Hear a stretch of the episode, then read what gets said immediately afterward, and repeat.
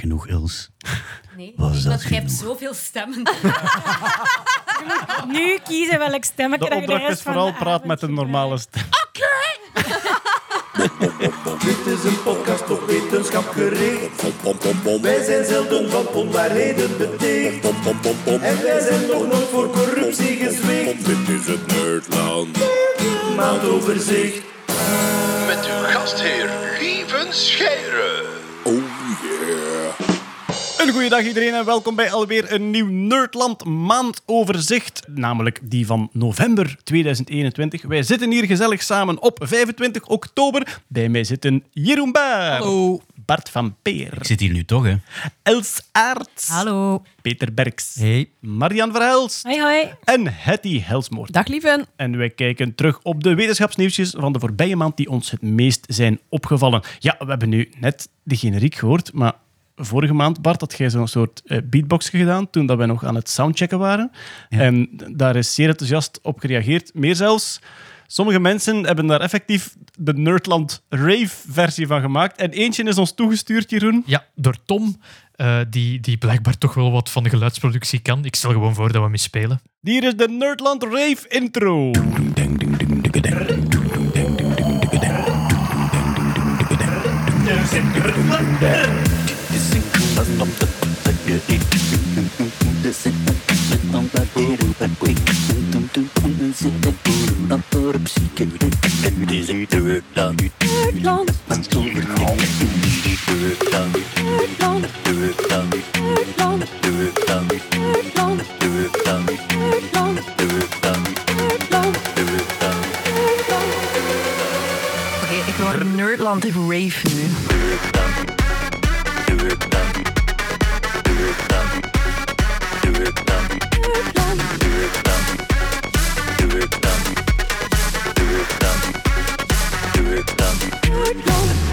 Oké, en voetje terug van het gaspedaal. Ben.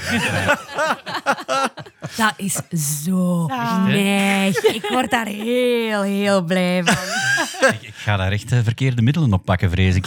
Zeg, gaan, wij, gaan we nu echt Nerd Johnny's creëren? Ik denk het Wat een wel, ja. prachtige, een prachtige remix zou dat Ja. zijn, zeg. Ja, een, een crossover is dat dan. Eigenlijk een, eh, ja, een jeugdcultuur crossover. Ik weet dat Reggie een fan is. Volgens mij ligt de bal in zijn kamp. Ah, ja, ja, voilà. Tom versus Reggie. Ik denk dat we voor het volgende Sound of Science Festival al eh, een tof dansmomentje Amai moeten niet. Dankjewel, Tom! Maar even, Tom heeft niet alleen dit gemaakt, maar hij heeft er ook nog, omdat ik dat vroeg, een jingleversie van gemaakt, dus korter, en een nog kortere jingleversie. Dus als je zo het gevoel hebt van, goh, het is even tijd voor een Nerdland rave momentje, dan kan dat gewoon.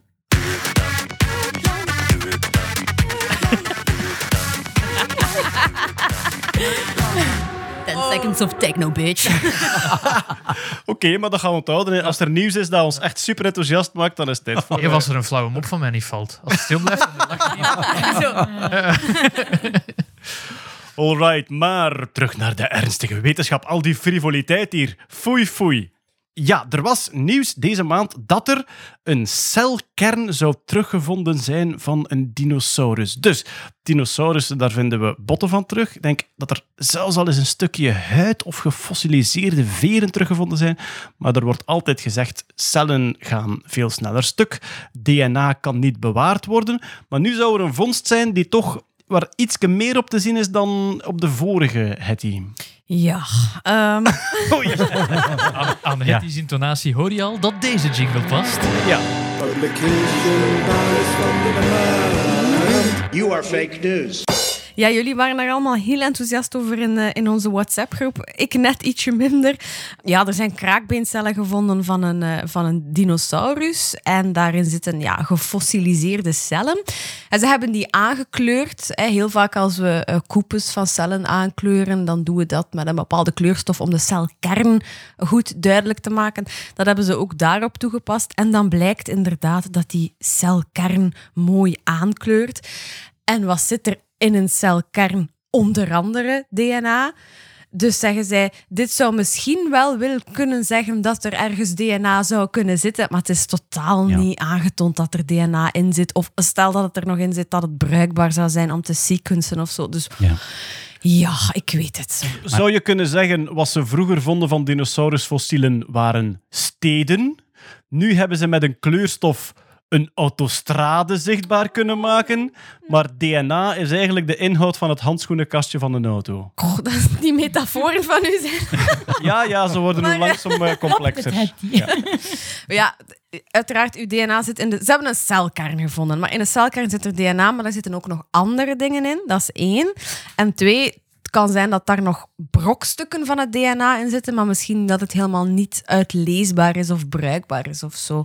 Maar het is een stap in de richting van misschien vinden we het ooit wel. Maar ik ben zeer, zeer terughoudend. Plus, het is een Caudipteryx dat er ligt. En Ja. dat is blijkbaar maar een dinosaurusje zo groot als een haan.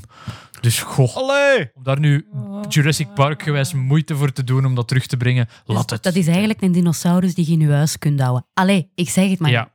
Een kip eigenlijk. Zeg, en was die dinosaurus dan? Want meestal als ze zo goed bewaarde dingen vinden, is dat toevallig een van die miljoen dinosaurussen die dicht tegen een bepaalde put teer stond, waarom dat hem supergoed bewaard is. Zo is, of ja, hij is aan ijs de, gevallen aan de is. rand van een meer is zij gestorven en dan is zij met assen van een vulkaan Ah, ja. overstroomd. Dus Ah, ja, het is Poëtische dood. zo'n- toevalligheid. 125 miljoen jaar geleden. Allee, ik zeg niet dat het niks is. Hè. We hebben uiteraard nog nooit zo'n celkern zo mooi kunnen aankleuren. Maar om, ja, het artikel stond Ja, het is niet dat je er dan iets mee kunt doen. Ja, voilà, Ja. voilà, exact. Ja. Ja, ja, dus eigenlijk de, de wetenschappers zelf waren denk ik heel enthousiast omdat ze in groter detail dan ooit kunnen gaan zijn in de structuur van zo'n fossiel. En, en de wetenschapsjournalisten zullen daar dan snel van gemaakt hebben Jurassic Park kan misschien toch en we gaan CRISPRen of dinosaurussen klonen of gelijk wat. Ja. Oké, kijk, voilà, de publication bias hebben we alvast gehad. De volgende is ook spectaculair. Ik ben benieuwd of hij ook een publication bias is, Hetty. De eerste nier zou van een varken naar een mens getransplanteerd zijn. Ja, en dat is absoluut geen publication bias en absoluut gigantisch historisch en een hele, hele grote doorbraak, vind ik wel. Oké, de, Ja. de on-publication bias van de man. Inderdaad, ja. Eh, ja, varkensorganen qua vorm, qua grootte lijken die heel goed op menselijke organen. Dus het zou heel handig zijn mochten we die ooit kunnen transplanteren. Het grote probleem is, Afstoot. ja, die worden afgestoten.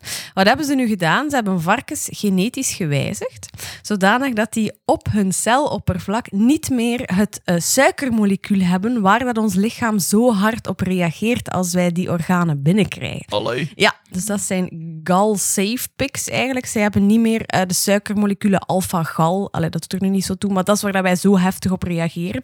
Dus ze hebben gezorgd dat die nieren die oppervlakte van die cellen, dat die die suikermoleculen niet meer hebben.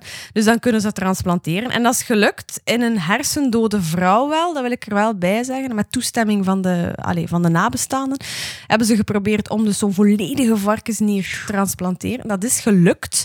Niet afgestoten geweest. En dan hebben ze na twee dagen wel beslist van oké, we leggen dit experiment stil. Maar dat is echt wel een enorme, enorme, enorme doorbraak. Maar ik dacht even dat het ging over het kweken van mensenorganen in varkens, maar het is echt de varkensnier zelf die dan wel genetisch bewerkt Ja, is. klopt. Dat is inderdaad een volgende stap. Dat is dat je eigenlijk uit cellen, lichaams-eigen cellen, maar dat is, nog, dat is nog veel meer science fiction, maar dat zit er wel aan te komen van inderdaad van dan menselijke cellen te gebruiken om een nier in een varken te kweken. Maar goed, dat is ook in mijn boek, de geknipte genen. Maar dit is echt een varkensnier bestaande uit varkenscellen, maar zo bewerkt dat ze niet afgestoten Is dat wordt. dan een wissel? Krijgt dat varken een nier terug?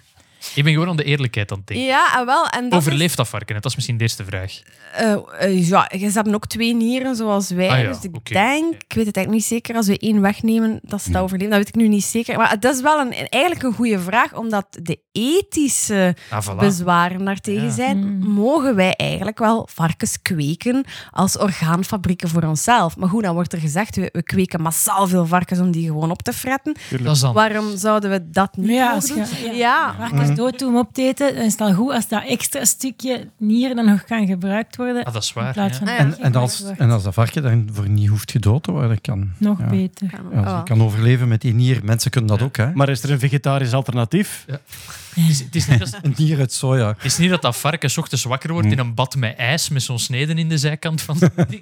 Je zou toch liever de nier krijgen van een stuk tofu? Tofu-nier. Ja. Zeg mij wel, We- weten we eigenlijk of dat, dat varken hinder ondervindt van die genetische manipulatie? Ik bedoel, het feit dat dat een suikermolecuul op, zijn, op, de, op de wand van zijn nier, zo was het? Ontbreekt. Ontbreekt? Niet meer heeft. Nee, Functioneert dat daardoor slechter? Nee, Of- waarschijnlijk nee. Die zijn ook goedgekeurd eh, door de FDA. Ook misschien later voor consumptie. Mensen daar, dat heeft ook veel allergische reacties dat dat opwekt bij sommige mensen. Dat is een suikermolecuul dat wij niet hebben. En vanaf dat je dat binnenkrijgt, op een of andere manier reageren En weten, weten veel mensen wat, daarop. wat het nut voor het varken is om die suikermoleculen daarop te hebben? Ja, Dat wist weet ik ik eigenlijk niet. Ja. Maar dus die, die varkens moeten wel al ehm, genetisch bewerkt zijn vanaf zijn embryo. Embryo, ja. Ja, ja, dus het is niet dat je nu gelijk welk varken kan nemen en die Nee. kan gaan bewerken. Het moet echt van aan de embryo. En is het met CRISPR dat ze het gedaan hebben? Nee, nog niet. Het is een voorloper van CRISPR. Een, een knockout factor hebben ze gebruikt. Ze hebben een gen uitgeschakeld. Het gen dat die suikermoleculen maakt, hebben ze uitgeschakeld, maar niet met CRISPR. Ja, maar dus je, je moet dan waarschijnlijk in vitro een eicel van een varken bevruchten, daar direct op ingrijpen om dat genetisch aan te passen, dan inplanten en laten uitgroeien tot een varken waarvan de nieren aangepast zijn. Waarvan, ja, of zelfs eh, alle lichaamscellen aangepast zijn. Ja, dat zou ik een keer moeten dubbelen. Dat overal die suiker ontbreekt Ja. in, in heel het lichaam. En die vrouw waarop de behandeling gedaan was, was dus een vrouw die eigenlijk klinisch dood was, Klopt, maar ja. lichamelijk nog in leven. Klopt. Dus die eigenlijk, waar, waarvan ze sowieso dan het machine gingen stilzetten, zoals het meestal eufemistisch uitgedrukt wordt. Ja. Eh, en waarop dan toestemming gegeven was van de familie van jullie mogen nog, Probeer maar. jullie mogen nog kijken hoe het lichaam reageert op die nier voordat je het apparaat En, en dat is dan ook de reden dat ze dan na twee dagen stopzetten. Ja, omdat ze zagen, het werkt allemaal, het was door bloed. Eh, de- Ja. Ze hebben ook een eindpunt hè, van zo'n experiment. Wat wil je testen? Is die test gelukt? Oké, dan is er geen Ja. reden meer om. Oké, er is nog een lange weg te gaan. Hè. We moeten dan nog uiteraard bij, bij mensen die niet hersendood zijn enzovoort. Maar ja, de gemiddelde wachttijd voor een nier in België is twee jaar. Ehm, ja, wie weet. Wie weet in de nabije toekomst. Ik was daar wel heel enthousiast over eigenlijk. Wat, wat mij opviel was dat die. De, ik, ik hoorde ergens een interview met, eh, met een wetenschapper daarover. En die zei ehm, dat die, ehm, eh, die afstotingsverschijnselen al na een paar minuten beginnen. Ja, Wist klopt. ik niet dat dat zo snel ging. Heel snel. Ja, Ja. Dus het feit dat dat nu twee dagen is, oké, Ja. dan hadden ze wel ja, ja, een antwoord. Ja, ja, maar dat wist ik echt Ja. niet. Ik dacht dat dat duurt altijd wel een paar dagen eer dat dat begint. Nee. Maar dat was na een paar minuten zeer al. Ja. snel, ja. Ja. Maar kijk, het kan inderdaad eh, het, kan het begin zijn van iets wat, goh, wie weet, over 10 jaar, 20 jaar een oplossing kan, kan bieden Ja, voor, eh, Laat ons hopen. ja, voor orgaantransplantaties en vooral de tekorten daaraan. Hè. Nog diertjesnieuws, maar dan robotdiertjes. Ik zou moeten zeggen, met de woorden van Erik van Looy, het is gebeurd. Iemand heeft een geweer op een robothond gezet. Jeroen. Ik zou eerder zeggen, Jeroen heeft het gezegd. ja, ehm, er is eigenlijk niet zoveel informatie over. Het, het bedrijf, de naam van het bedrijf voorspelt dan niet veel goed. De naam van het bedrijf is... Kill all humans. Nee, Ghost Robotics. Ghost Robotics. Want robotics op zich is nog niet creepy genoeg. Het moeten Ja. ook geestenrobots zijn. Die hebben een, en het is geen gewoon geweer, dat maakt het nog een beetje creepy. Het is een sniper rifle, dus een, een lange afstand scherpschuttersgeweer. Het is niet op een spot, maar op een spotachtige robot. Zo ook die typische poten, het, het, het model. Wel, maar dat vind ik een belangrijk punt. Het is geen Boston Dynamics Nee. project. Het is geen Boston Dynamics materiaal. Het is eigenlijk het overnemen van die loopbeweging, die vierpotige loopbeweging. Wat trouwens wereldwijd gebeurt. Hè. In China zijn er fabrieken. Er zijn zelfbouwpakketten. Er is een Kickstarter nu met een mini-spot-robotje. Dus die viervoetige beweging van de spot wordt overal overgenomen. En dit is een bedrijf dat dat zelf ontwikkeld heeft en dat dan militair wil verkopen. De naam van het ding is de Spur, de Special Purpose Unmanned Rifle. Oké. En ze hebben het. Aangekondigd op Instagram en alle commentaren zijn hoe slaapt de gullen s'nachts? The fuck, Skynet has logged on. Zo van die commentaar. En het schiet 6,5 mm cartridges voor de, voor de wapenliefhebbers thuis. hè. Ik weet niet wat dat betekent. Dat is 6,5 mm kogels. En weten we iets over of dat zij dat echt als valabele toepassing zien? Het of dat was- zij nu vooral een beetje publiciteit zoeken voor een bedrijf? Want je weet, als je Het zoiets was- bouwt, dat je overal in het nieuws zit. Het was gespot. Ah, nee, het was, het was opgemerkt op een, op een beurs voor military contractors. Dus het, het is wel degelijk bedoeld om gekocht te worden en gebruikt te worden. Ja. Ik zag ook ergens een hele conspiracy van dit is de reden waarom ze ons al die schattige Boston Dynamics filmpjes laat zien. Ja, het heeft eigenlijk niks met elkaar We hebben vorige maken. keer een discussie gehad dat ik zei van ja, maar Boston Dynamics die hebben wel een militair doel. En jij zegt van dat is niet waar, die zijn nu van Hyundai. Maar Hyundai heeft ook een militaire tak liever. Ah, heeft er iemand mij fijntjes weten te mailen. Ja. Om toch nog te kunnen zeggen van haha, ik had gelijk. Ja, maar- Recall. Maar werken ze voor de militaire tak bij Boston Dynamics? Het is hetzelfde parapluutje. Ja, nee, zo, er zijn mensen nu op Twitter die beweren al die schattige filmpjes zijn bewust gestuurd om onze sympathie op te wekken, omdat dit het Ja. eindpunt was dat ze voor ogen hadden. En daar ben ik eigenlijk... Over twintig jaar worden wij doodgemakarenad door zo'n hoop schattige robot in de, in de vernietigingskampen. Nee, maar wat, dat- wat, dat- dan moet ik wel zeggen, Boston Dynamics is wel in hun communicatie heel hard anti-militaire toepassing. Want we hebben een paar maanden geleden gehad over iemand dat een paintballgeweer op een spot gemonteerd Ja, ja. voor een, een kunstinstallatie. Daar waren ze heel hard tegen. Dus ik denk dat Boston Dynamics als bedrijf wil heel hard de façade van eh, hij kan helpen in de bouw of oude mensen oprapen, maar zeker niet. Ja, ja, inderdaad. Maar goed, ja, een keer dat de technologie bestaat, dat er ergens eh, onder deze miljarden mensen wel een zot is die het op die manier toepast, ja. Maar dat is toch met alles. Dat is met CRISPR ook. Dat is met... Je kan op een gewone herdershond toch ook eh, een sniper eh, monteren? Wat gebeurt er dan, Peter? Ja, Ik heb Peter. het nog niet geprobeerd. Dan wordt Tot de de vrij- volgende week weten Dat-. Worden Ik- vrij dat snel ding- zelf Ik, doodgeschoten. juist- ik denk dat dat ding zijn eigen afschiet. Dat is een, excellent, dat is een, een excellente Wikipedia-pagina. Er is een Wikipedia-categorie genaamd War Animals.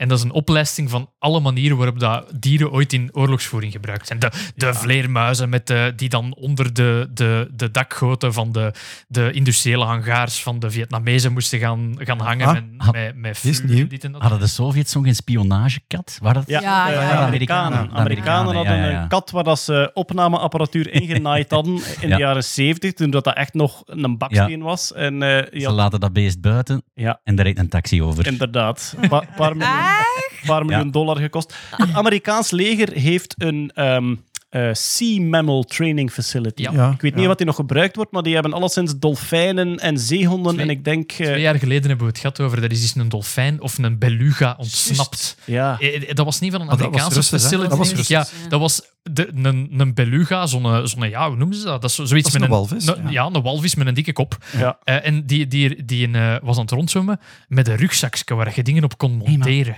Ik heb dus dit weekend een wasbeer gezien en die had alle gsm's en meloenen van de stad gestolen. En dat is opgelost door een patrouille honden. Ja? Wacht, wacht, wacht, wacht. Volgende En was het niet één hond en een helikopterke? Was het Ja. een Ja, probleem ja, in ja, de was het een avontuurbaai? Ja, ja. Ja, ja. Paw Patrol! Ah, dat zal, ja, dat, Geen, geen pup te klein. dat zal het zijn. Dat zal Geen het sponsor. ja. Ze, mogen, ze mogen mailen, want ik denk dat die poen genoeg hebben als ik al die kleimannen bezig zie. Maar geen sponsor. De Russen, denk ik, hebben ooit eh, honden getraind om onder een tank te lopen. Ja. Die hadden een bom en die moesten onder een tank lopen en dan zich laten ontploffen. Ehm, alleen Ah. hadden ze die natuurlijk getraind met Russische tanks. en die gebruikten, die, gebruikten een andere, die gebruikten een andere diesel dan de Duitse. Dus die honden letten veel meer op de geur dan op de vorm. Dus al die honden zijn gewoon onder Russische, Russische tanks tanks, gekropen en eh, daar you. Boom. Maar dat bedoelde ik, hè. een bomteel. Ik moest ploffen, want de bel deed het niet. Want ons leger doet het niet. Bon. Ja, we gaan eens naar wat ernstiger wetenschapsnieuws. En ook wel iets waar vele Benelux-hartjes sneller van gaan slaan. Marianne, de Einstein-telescoop. En misschien moeten we dat eerst even iets duidelijker maken. We, we hebben eh, sinds een paar jaar detectie van zwaartekrachtsgolven. Ja. Voor zwaartekrachtsgolven zijn zeer... eh, ja, niet zeer lange, maar eh, bouw je lange tunnels en zet daar spiegels op en dat moet dan gekoeld worden. Allemaal toptechnologie. En ze willen nu een grotere bouwen. Is het de Europese Unie? De Europese Unie wil inderdaad een heel grote eh, centrum bouwen om zwaartekrachtsgolven te meten. En een van de topkandidaten als locatie is het Drielandenpunt. Ja. België, Nederland, Duitsland. En er was nu deze week weer heel veel te doen over het feit dat we alles op alles gaan zetten. Ze zijn heel hard aan, het- aan het lobbyen en dossiers aan het voorbereiden, want ja, dat drielandenpunt, we- die drie landen, Nederland, Duitsland, België, we willen dat echt, echt binnenhalen. En er zijn nog twee regio's in de running, Sardinië en ons drielandenpunt. En ze zijn hier heel hard aan het lobbyen om te proberen dat hier binnen te halen. Allee. Omdat dat wetenschappelijk gezien gaat dat een enorme impuls geven aan alle universiteiten in Maastricht en Leuven spreken en van Duitsland. Een nieuwe CERN, hè. Dus, Het is echt het nieuwe CERN. Ah. Ja, ja, Ja, ja, Wat is de CERN omvang van het project? Hè? Ik ben in CERN een paar keer op bezoek geweest en dat is ongelooflijk, omdat er naast dat experiment van die deeltjesversneller zoveel andere experimenten Ja. lopen en dat je zo een poelen van fysici samen hebt die allerlei projecten opzetten. Dus ik denk dat daar het grote enthousiasme Ja, vandaan komt. Van er- een wetenschappelijke internationale hub hier Also vlakbij die, die schoolreizen naar het Drielandenpunt, waar dat, dat vroeger zo... ah, Dat wordt kei cool. Drielandenpunt Nee, wat, ze daar of dus gaan, wat ze daar dus gaan bouwen is, je moet 300 meter onder de grond, heb je buizen nodig, die staan in een driehoek op de drie landen. En die zijn elk 10 kilometer lang. Je stuurt aan de ene kant van zo'n 10 kilometer lange buis een laser. Dat wordt aan de andere kant gereflecteerd door een spiegeltje. 10 kilometer terug naar de andere kant. En dan vangt je dat op met een kleine fotodiode. En dan moet je fracties van millimeters verschil in de aankomstplaats van die laserstraal detecteren. Dat is ongelooflijk crazy, want de minste trilling dat er maar ooit ergens gebeurt, zou dat ook al een beetje beven en dan kun je golven Ja. die zwaartekracht... Maar zo gaan we dan, gaan we dan zo met heel het land voorzichtig moeten trippelen de hele tijd. En dat ze op de radio altijd maar omroepen, rustiger! Rustig aan het Drielandenpunt. Nee, maar engineering-wise is een enorm Ja, maar dat is echt crazy. uitdaging. Ze hebben echt ophangingen van Ja. de spiegels die volledig ontemd zijn, met heel speciale nauwkeurige acceleratoren. En, Maar nu Ik hebben denk ze dat zelfs dat de- LIGO's. LIGO, Ah, wel, ja. in, in Is de precisie zo groot dat ze kwantumruis kunnen meten, zelfs, denk ik. En waar ligt LIGO? in La- de LIGO ligt in, in de Verenigde Staten, Ah, heb je er twee. LIGO, dat zijn twee detectoren in de Verenigde Staten. Eén aan de, aan de oostkust en één aan de westkust, denk ik. Hè? En in Europa wacht, hebben want- niks. Of Jawel, in Italië is Ja, ook alleen een Ah, ja. Vigo. Vir- Virgo. Virgo. Virgo. Dat is de derde. Ja. Quantumruis, dan spreken we over kleiner dan 10 tot de min tiende meter, denk ik. Hè? Kleiner. Ja, ja, denk het wel. Celkern, dacht ik, is zoiets, 10 tot de min tiende. Beste luisteraars, hier volgt een mededeling vanuit de montagekamer. Bart vanuit de montage hier. Wat de nauwkeurigheid van de LIGO-detector betreft, op zijn meest nauwkeurige setting kan LIGO afstandsverschillen meten van 1 tienduizendste van een proton. Dus 1 tienduizendste van de kern van het waterstofatoom.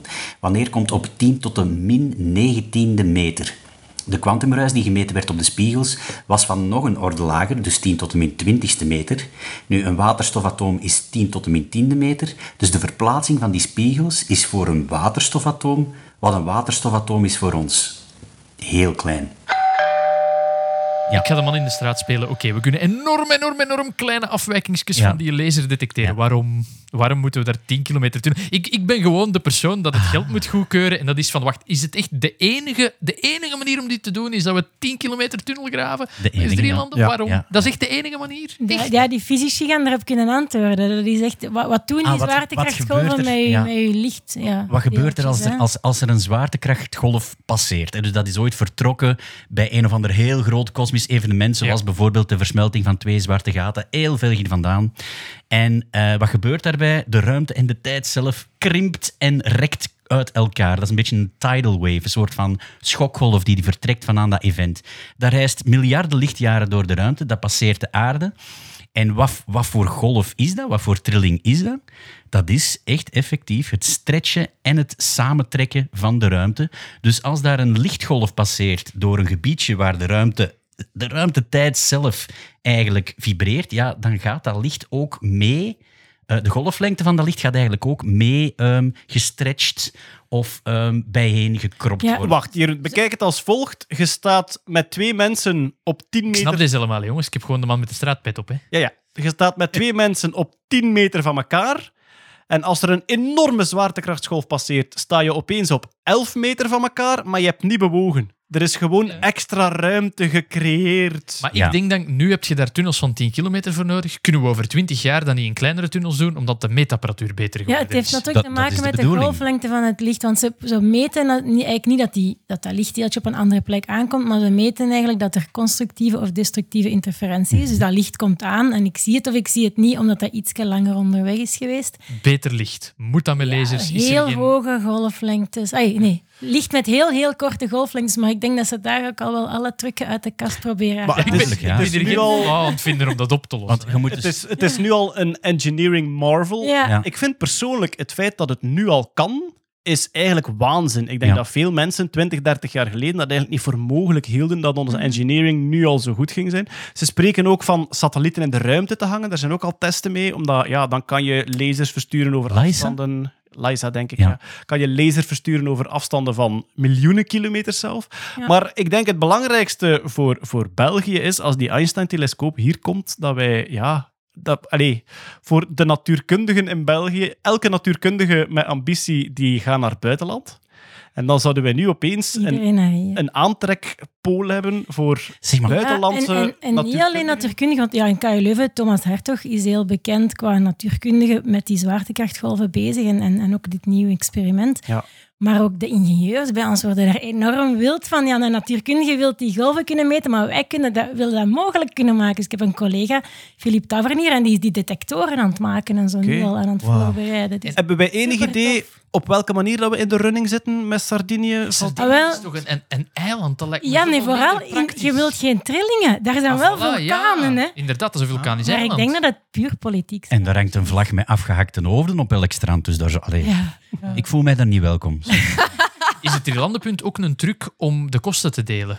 Ja, Want en dan om komt de Luxemburg er wel duur uit, denk ik. Uiteraard. Kun je tien- is Luxemburg breder dan 10 kilometer? het is niet we- Luxemburg Nee, nee, nee? Nederland. Ah, nee, juist. Ja, ja, ja. Oké. ja, Ah. ja. Maar ik ruik, Oh. ik ruik een eh, Ja, business, natuurlijk. business opportunity. Maar dat is Limburg, hè. Ik ga een BNB open doen. Is echt Limburg. Limburg. Maar dat is wel waar. Als we dan, als we dan een nerdcafé beginnen... Ah, Ja. Oh. Als we dan een nerdcafé beginnen, echt daar vlakbij, dan weten we wel zeker dat Ja. je... Dat En je we hebben al Genever. Ja. Ja. Belangrijk. Wat is de timeframe?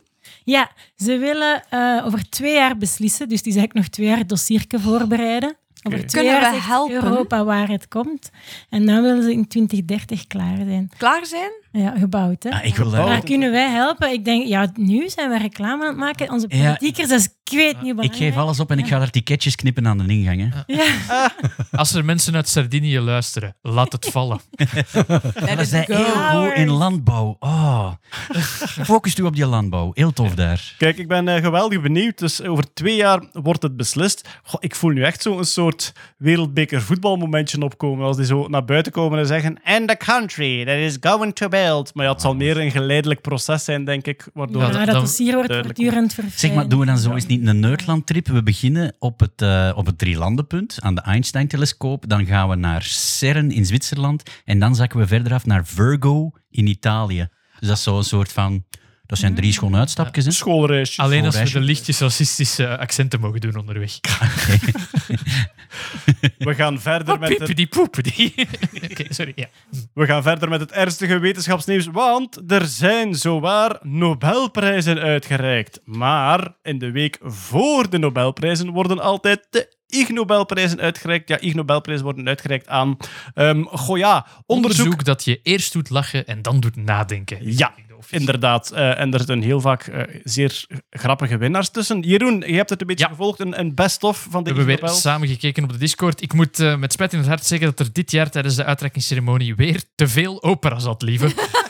Zo, het was denk ik 20 minuten opera en dat waren er 19 te veel. Eh, maar zwart. Was het weer online? Het was weer online. Ah. het, het, was, het was weer niet te doen. Maar begint dat eh, zo, de tongue-in-cheekness daarvan, begint dat de jeugd zo niet stilletjes aan te ontgaan? Het, eh, ja, nee, het is, het is gewoon. Het is ook, er zijn geen. Ik denk de, de, de, de test of dat je mocht meezingen met een opera is. Heb je een pols? dan, dan is het Ah, ja, oké. ja. Er is geen. Do you er- have a pulse? Er is geen. er is Ja, geen maar eigenlijk, die, die opera die werkt denk ik enkel als je live aanwezig bent in het theater. En het feit dat ze hem ook dat, nog dat doen... de mensen op je, op hun gezicht kunt kloppen. maar het feit dat, dat ze hem ook nog doen terwijl het live is in plaats van... eh, terwijl het online is in plaats van live. Ja, maar eh, Mark. Abrahams, die schrijft er opera. van. Voilà. Eh, dus de Ig Nobelprijs voor Transportation, ze, die, wo- die werd uitgereikt aan een team, Robin Radcliffe van Cornell University. Die hebben ontdekt dat de beste manier om een neushoorn te vervoeren van het, de ene habitat naar de andere, is hem ondersteboven aan zijn voeten onder een helikopter hangen. De verklaring daarvoor is, ze hebben het gemeten, ze hebben de vitals van verschillende neushoorns die daar wel eens verplaatst moeten worden binnen natuurgebieden. En normaal werden die verplaatst op een soort van houten palet op hun zij, maar dan doet de zwaartekracht eigenlijk veel eh, kwaad aan de neushoorn, want dan is één long meer doorbloed dan een andere long. Oh. Maar als zo'n neushoorn, wat dat toch wel een zwaar beest is, eh, al die, die, die platen moeten op en neer bewegen als die ademen, die hebben daar last van achteraf. Maar dus ondersteboven aan een helikopter... Ik hebben- geloof dat de aankondiging was Flying rhinoceroses do it best upside down. Klopt. Ah, ja. Ze hebben twaalf neushoorns Maar verplaatst. puur biomedisch gezien bedoelde, dus Ja. niet, niet economisch of zo. Nee, puur, puur. Ook. Het is ook. Ook. economisch, maar ze hebben heel lang onderzocht, is het wel verantwoord? Hè? Dus ze hangen ze echt vast aan de poten Ja. met een ketting aan de Ja. helikopter en dan gaan ze omhoog. En ze wilden eigenlijk onderzoeken, dit is veel gemakkelijker, maar kan het wel voor de neushoorn? En de conclusie was, het is gewoon beter, beter. voor die neushoorn. Amai. Ja. Ja. Kan het wel voor de neushoorn is snel opgelost als je het vraagt natuurlijk. Hè. Hebben ze eerst consent aan die neus? Ja. is wat. Eh, De, de Ig Nobelprijs voor Ecologie die ging naar Leila Satari en collega's die eh, genetische analyse heb geda- hebben gedaan om bacteriën te ontdekken op kauwgom die op het voetpad plakt op verschillende plekken van de hele wereld. En om Ah, aan de hand van die kauwgom ook het, hoe noemen ze dat, het, het, micro, het microbiome in uw, in uw, Ja. in uw Ja. maag uit te werken. En daar zijn regionale verschillen in natuurlijk. Ja. Kauwgom in, eh, in een Amerikaans eh, voetpad geplakt heeft andere micro-organismen dan een kauwgom op een Ja, Italiaans. dat doet mij niet eens lachen. Ik vind Nee, dat, mij dat ook klinkt niet. heel nuttig. En we- ze hadden ook onderzoek gedaan in, wacht ze, een van die, een van die eh, Zuid-Aziatische eiland, Singapore denk ik, ja. Daar plakt geen kauwgom. Ja. Ze hadden, ze hadden ook onderzoek gedaan in Singapore en ze hebben effectief kauwgom gevonden in Singapore, Wow. maar kauwgom is officieel verboden in Je Singapore. kunt dat heel Wat? zwaar, zelfs gevangenisstraf. En ik Wat? heel zware boetes, alleszins als je daar iets op Ik stond op de luchthaven in Singapore met Sportlife in mijn rugzak en ik was zo bang. Maar dus zelfs het bezit ervan... Ja, ja, je mocht dat niet bij hebben. Dat is Ah, gewoon... dat En moest, moest jij overstappen of was het... ge- Nee, nee, wij moesten in Singapore gaan spelen. Ik was, ik was met een theatergezelschap daar. En ja, weet je, je hoort dat wel zo van ja, dat mag allemaal niet en zo. En je komt daaraan en dat hangt daar echt allemaal in het kijk. Is het waar? uit. En ik had echt zo, oh, ik denk dat ik dit daar ben vergeten. Maar waarom is dat verboden? ja, dat is daar allemaal super proper. Je mocht daar ook niet spuwen op straat. Je mocht daar... ehm, Sigarettenpeuken je of zo, mocht niet roken, je mocht alleen maar... boetes. Dat zijn zo echt zo op het voetpad zo kleine tegeltjes afgetekend waar je binnen mocht roken. Dus die staan echt allemaal zo dicht bij elkaar.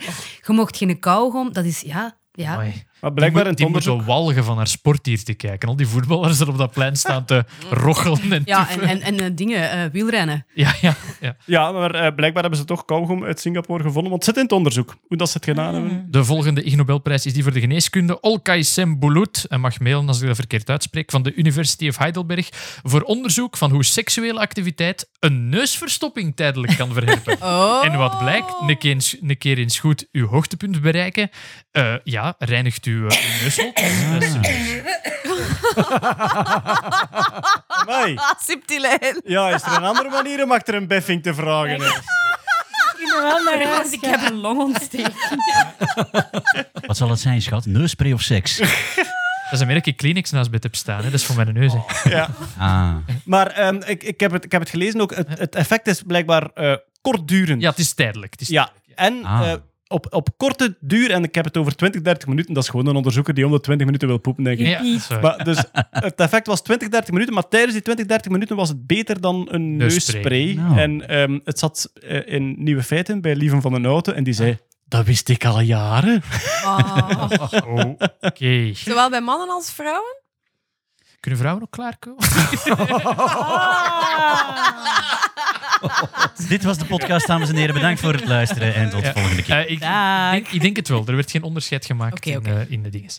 Goed, de volgende Ig Nobelprijs voor het beschamend woord is die voor de chemie. Mensen van het Max Planck Instituut, die hebben, dat vond ik de coolste eigenlijk, die hebben de volatile organic compound composition van de lucht, dus de, de deeltjes die rondzwerven in de lucht, in een bioscoopzaal eh, geanalyseerd. En op basis van welke stoffen er aanwezig waren, konden die afleiden hoeveel eh, seks, drugs of schuttingstaal er in een film zat. Ja. En die hebben dan gezegd van laat ons het anders doen.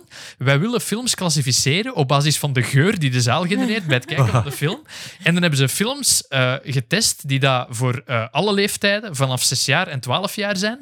En hun voorspellingen matchten met de klassificatie die de film gekregen had. Wat, hoe kan dat? Cool, omdat Ja, er, komen, er komen zodanig veel signaalstoffen vrij, als je agressie ziet of als je seksualiteit ziet, dat die meetbaar zijn in de lucht. Pheromones. Onze pheromonen zijn Ja. meetbaar in de lucht. En ik denk de aankondiging was ook ehm, voor, eh, voor het uitwerken van een systeem dat films kan klassificeren aan de hand van hoe de cinemabezoeker stinkt. Ja. heeft dat Max Planck Instituut toch nog iets nuttigs opgeleverd. Ah. Dat is, dat is wel cool. Hè? Stel je voor dat je dan, als je een film in de cinema wilt brengen en je moet je rating krijgen, dat je gewoon een smeltest moet doen in de cinema. En van, oef, ik weet niet wat dat je gedaan hebt in die achtervolgingsscène, maar iedereen heeft dan sekspheromonen laten, laten losvliegen. Of zo binnenkomen op een puberkamer en zo, ja, deze is wel eh, R-rated, plus, plus, plus. Hier zijn films gekeken, ja. Misschien wil Fokke wel testpubliek zijn. Fokke van der Meulen. Van der Meulen. Alle films geclassificeerd onder niet voor kinderen. Eh, voor economie is het Pavlo Blavatsky van de Montpellier Business School. Die heeft ge- ontdekt dat er een correlatie is tussen het gemiddelde, de gemiddelde body mass index van politici in een land en de eh, corruptie. Ja. Simpel. Ja. Prachtig. Hoe dikker de politiekers, politiekers, hoe meer corruptie. Maar het is enkel getest op voormalige Sovjetlanden. Ah ja, oké, oké, oké. Ja, want als je nu België tegenover Nederland zet, bijvoorbeeld, allee, dat is een anekdotisch, maar zo die, die Hollandse of die Nederlandse politici, die zitten toch altijd zo iets strakker in het pak en dan lijken ze van die fitnessboys. Ja, gewoon duurdere, duurdere kleermakers, denk ik. Ja. En cocaïne. Dan de Ig Nobelprijs voor de Vrede, dat is de laatste. Dat is Ethan Besserer, Stephen Netway en David Carrier. Die testen hypothese of mannen evolutionair gezien baarden ontwikkeld hebben om de impact van een vuistslag op het gezicht minder hard te maken. Dat is een beetje een gekke hypothese om te testen. Ze hebben ontdekt dat er... Ze hebben geen evolutionair verband kunnen aanwijzen, maar ze hebben wel een schapenvel vol sensoren gestoken, het een deel geschoren en effectief het, de plek waar dat het schapenvel nog haar had, eh, daar wordt 37% meer van de inkomende kracht geabsorbeerd. Daar moeten we wel bij zeggen dat het nog altijd een, een joef op u wel is. Allee, dat- dat is- het is. Dus als je op je een bek gaat krijgen, scheer u niet. Scheer u niet, ja. Ja, dat is eigenlijk het Maar advies. schapenvacht is toch... Allee, ik heb nu zelf geen baard, maar dat ziet er toch niet uit gelijk schapenvacht. Nee, ze hebben het geschoren ook, ze hebben het wat Ja. korter gemaakt en wat, ja, wat de textuur er een beetje op laten lijken. Lees, ze hebben geen stagiair gevonden om op zijn bakken te staan. You wanna work in science, kid? Goed, en dan de Nobelprijzen, Hetty, die gaan we ook eens snel overlopen. Ja, geneeskunde op maandag ehm, naar twee Amerikanen. Klinkt meer als een soort programma op Radio 1. Geneeskunde op maandag. Welkom bij Geneeskunde op maandag. Maar dat zijn nu de serieuze prijzen. Hè. Ja. Ja. Ja. Dat is wel pijnlijk dat we die daarna doen, want die zijn dan pak minder grappig. Naar eh, onderzoek hoe wij voelen of iets warm of koud of hard of zacht is. Eigenlijk, ja, hoe zet ons lichaam zo warmte of, of een fris briesje om in een elektrisch signaal voor de hersenen. Dus dat is eh, Dat zijn die receptoren. receptoren, eiwitten die... Is dat haptic, eh, heeft dat daar iets met? haptic feedback. Ja, nee, ik, ga, ik haal dat nu mijn denken aan zo'n proefje dat je moest doen vroeger in de middelbare school. Je moest een hand in kou en een in warm water steken en dan in hetzelfde baddeke. En dan Ja. voelde dat die verschillend voelen. Ik deed dan altijd in mijn Dat broek. hoe dat... eh, Maar eh, het onderzoek was waarschijnlijk naar de biochemie in de receptoren, welke signalen dat die afgeven. En als ik me niet vergis, zijn dat ook die sensoren die je met chilipepers Ja. of met menthol kunt Ja, stimuleren. inderdaad. Eh, met capsaicine is dat dan, of inderdaad met menthol. En ze hebben dat ook met, eh, met cellen gedaan in het labo. Ze hebben eigenlijk die cellen, zo'n celkweek, zo die capsaicine of die menthol gegeven. Ze hebben genen aan- en uitgeschakeld. En ze hebben gekeken, ja, wanneer reageren die daar nu wel of niet meer op? En zo zijn ze zo en Wel. via een trechtersysteem tot de juiste... We moeten misschien eerst meegeven, de reden dat een peper heet smaakt, is niet omdat die warm is, maar omdat die de warmtereceptor van uw tong aanzet op een chemische manier. Dus het is eigenlijk het hacken van ons warmtegevoel door dat zuiver chemisch aan te zetten. En menthol doet hetzelfde met ons koude receptoren. ja. Dus het feit dat je na het tandenpoetsen denkt, amai, ik heb een frisse bek, dat is niet waar. Dat is zuiver bedrog. Maar omdat die dat chemisch aan en uitzetten, konden ze door bepaalde genen uit te schakelen wel zien vanaf wanneer werkt het niet meer. Voilà, exact. Oké. Ja. Ja. En Kun dat je, zijn- dan, kun je dan een peper koken, zodat die minder heet wordt? Eh, misschien wel, maar ik weet niet op welke Maar- temperatuur dat capsaïne Nee, ik denk het niet. Ah, nee, ik denk het niet, want ik denk soms dat het zelfs sterker wordt. Maar, Ah, ja. Eh, Eh, geen Sorry. idee. nee, nee, ik denk het niet. Eh, Ja, en dat zijn eiwitten dan, die dat, die dat eh, triggeren? Ja, de receptoren zijn eiwitten. Oké. Ja. Maar, en de prijs gaat naar het identificeren van de genen? Of Ook, en, en ook heel de, heel de biochemie erachter. Hè? Ook hoe dat het dan in een Ja. elektrisch signaal omgezet wordt voor onze hersenen. Ja, Dat is eigenlijk heel die Ja. biochemisch proces? Want ja, dat Want, want dat die een... receptoren kenden ze al. Hè. Ze wisten dat die, dat die bestonden, en dat die, maar ze kenden dan helemaal het, ja, het binnenwerk niet. Hè. Ja. Ja. En dat is dan, dat is dan ja, meestal is dat een of ander mechanisme dat een eiwit bij een bepaalde temperatuur ofwel van vorm verandert. Enfin, we, weten, we, we hebben het niet, we hebben het niet bekeken, dus we zijn maar in het wilde weg aan het gokken. Maar ja, bij smaak ook. Hè. Dat is meestal een eiwit, dat als er een bepaalde stof passeert, dat daarop klikt, dat van vorm verandert. Dat moet, dat moet op een of andere manier in een elektrisch signaal veranderen Mhm. om in je hersenen te komen. Dus het is echt ja, een computerke bijna en een beetje mechaniek. En ja, biomechaniek dan. Eh, ja. hele mooie systeem. Wanneer is dat uitgevonden? Want dat, dat lijkt me een Nobelprijs voor iets dat al een paar... Die Nobelprijzen die leggen zo'n beetje achter. Al wel, dat hè? vind ik een heel goede opmerking. Ah, want ik je. was het meest verwonderd dat ze eigenlijk niet gegaan is naar de mRNA-vaccins. Ah, dat is juist. En die, die eh, Oh. vrouw... Die Wat, hebben die ooit voor ons gedaan? Nee, dat is waar, want we hebben, we hebben het zelfs op de podcast, op de vaccinatiepodcast hebben we het gezegd, dat die Kalanko, Ja. of hoe heet Een ze? Hongaarse. Ja, Ja. Wacht eens, dat is toch krankzinnig eigenlijk? Ja, ja. En ja, normaal gezien in, allee, in Nobel zijn testament stond er, je moet de prijs toekennen aan dat onderzoek dat het voorbije jaar voor de Ah. mensheid het meest heeft betekend. Maar je ziet uiteraard heel vaak dat daar een, een, een lag op zit Ja. van 10, 15, 20, Mensheid heeft ook veel 25 pijn jaar. gehad het laatste jaar. Hè. Ja. Men- ja, Maar het zou misschien volgend jaar ook nog kunnen. hè? misschien wel, ja. Die, eh, Ja. maar inderdaad, de gedoodverfde eh, winnaar was iemand die aan de eh, mRNA-vaccins gewerkt had. Oh, dat klinkt zo- Dat dateert toch al van in de jaren 70? Dat klinkt zoals dat ze de Oscars aan een indie-film eerste, gegeven hebben. of eerste zo. dingen over mRNA-vaccins.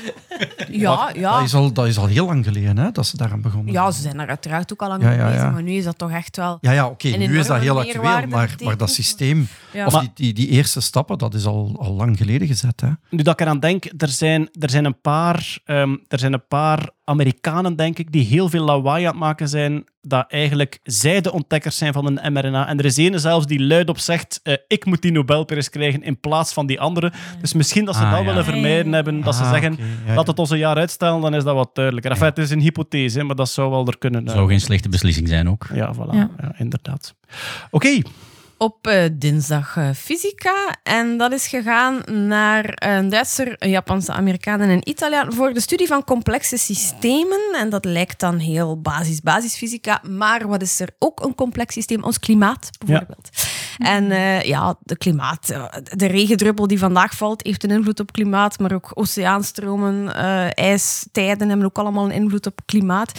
En ehm, ja, die drie wetenschappers die hebben onder andere modellen gebouwd om dat allemaal te kunnen begrijpen en te kunnen voorspellen.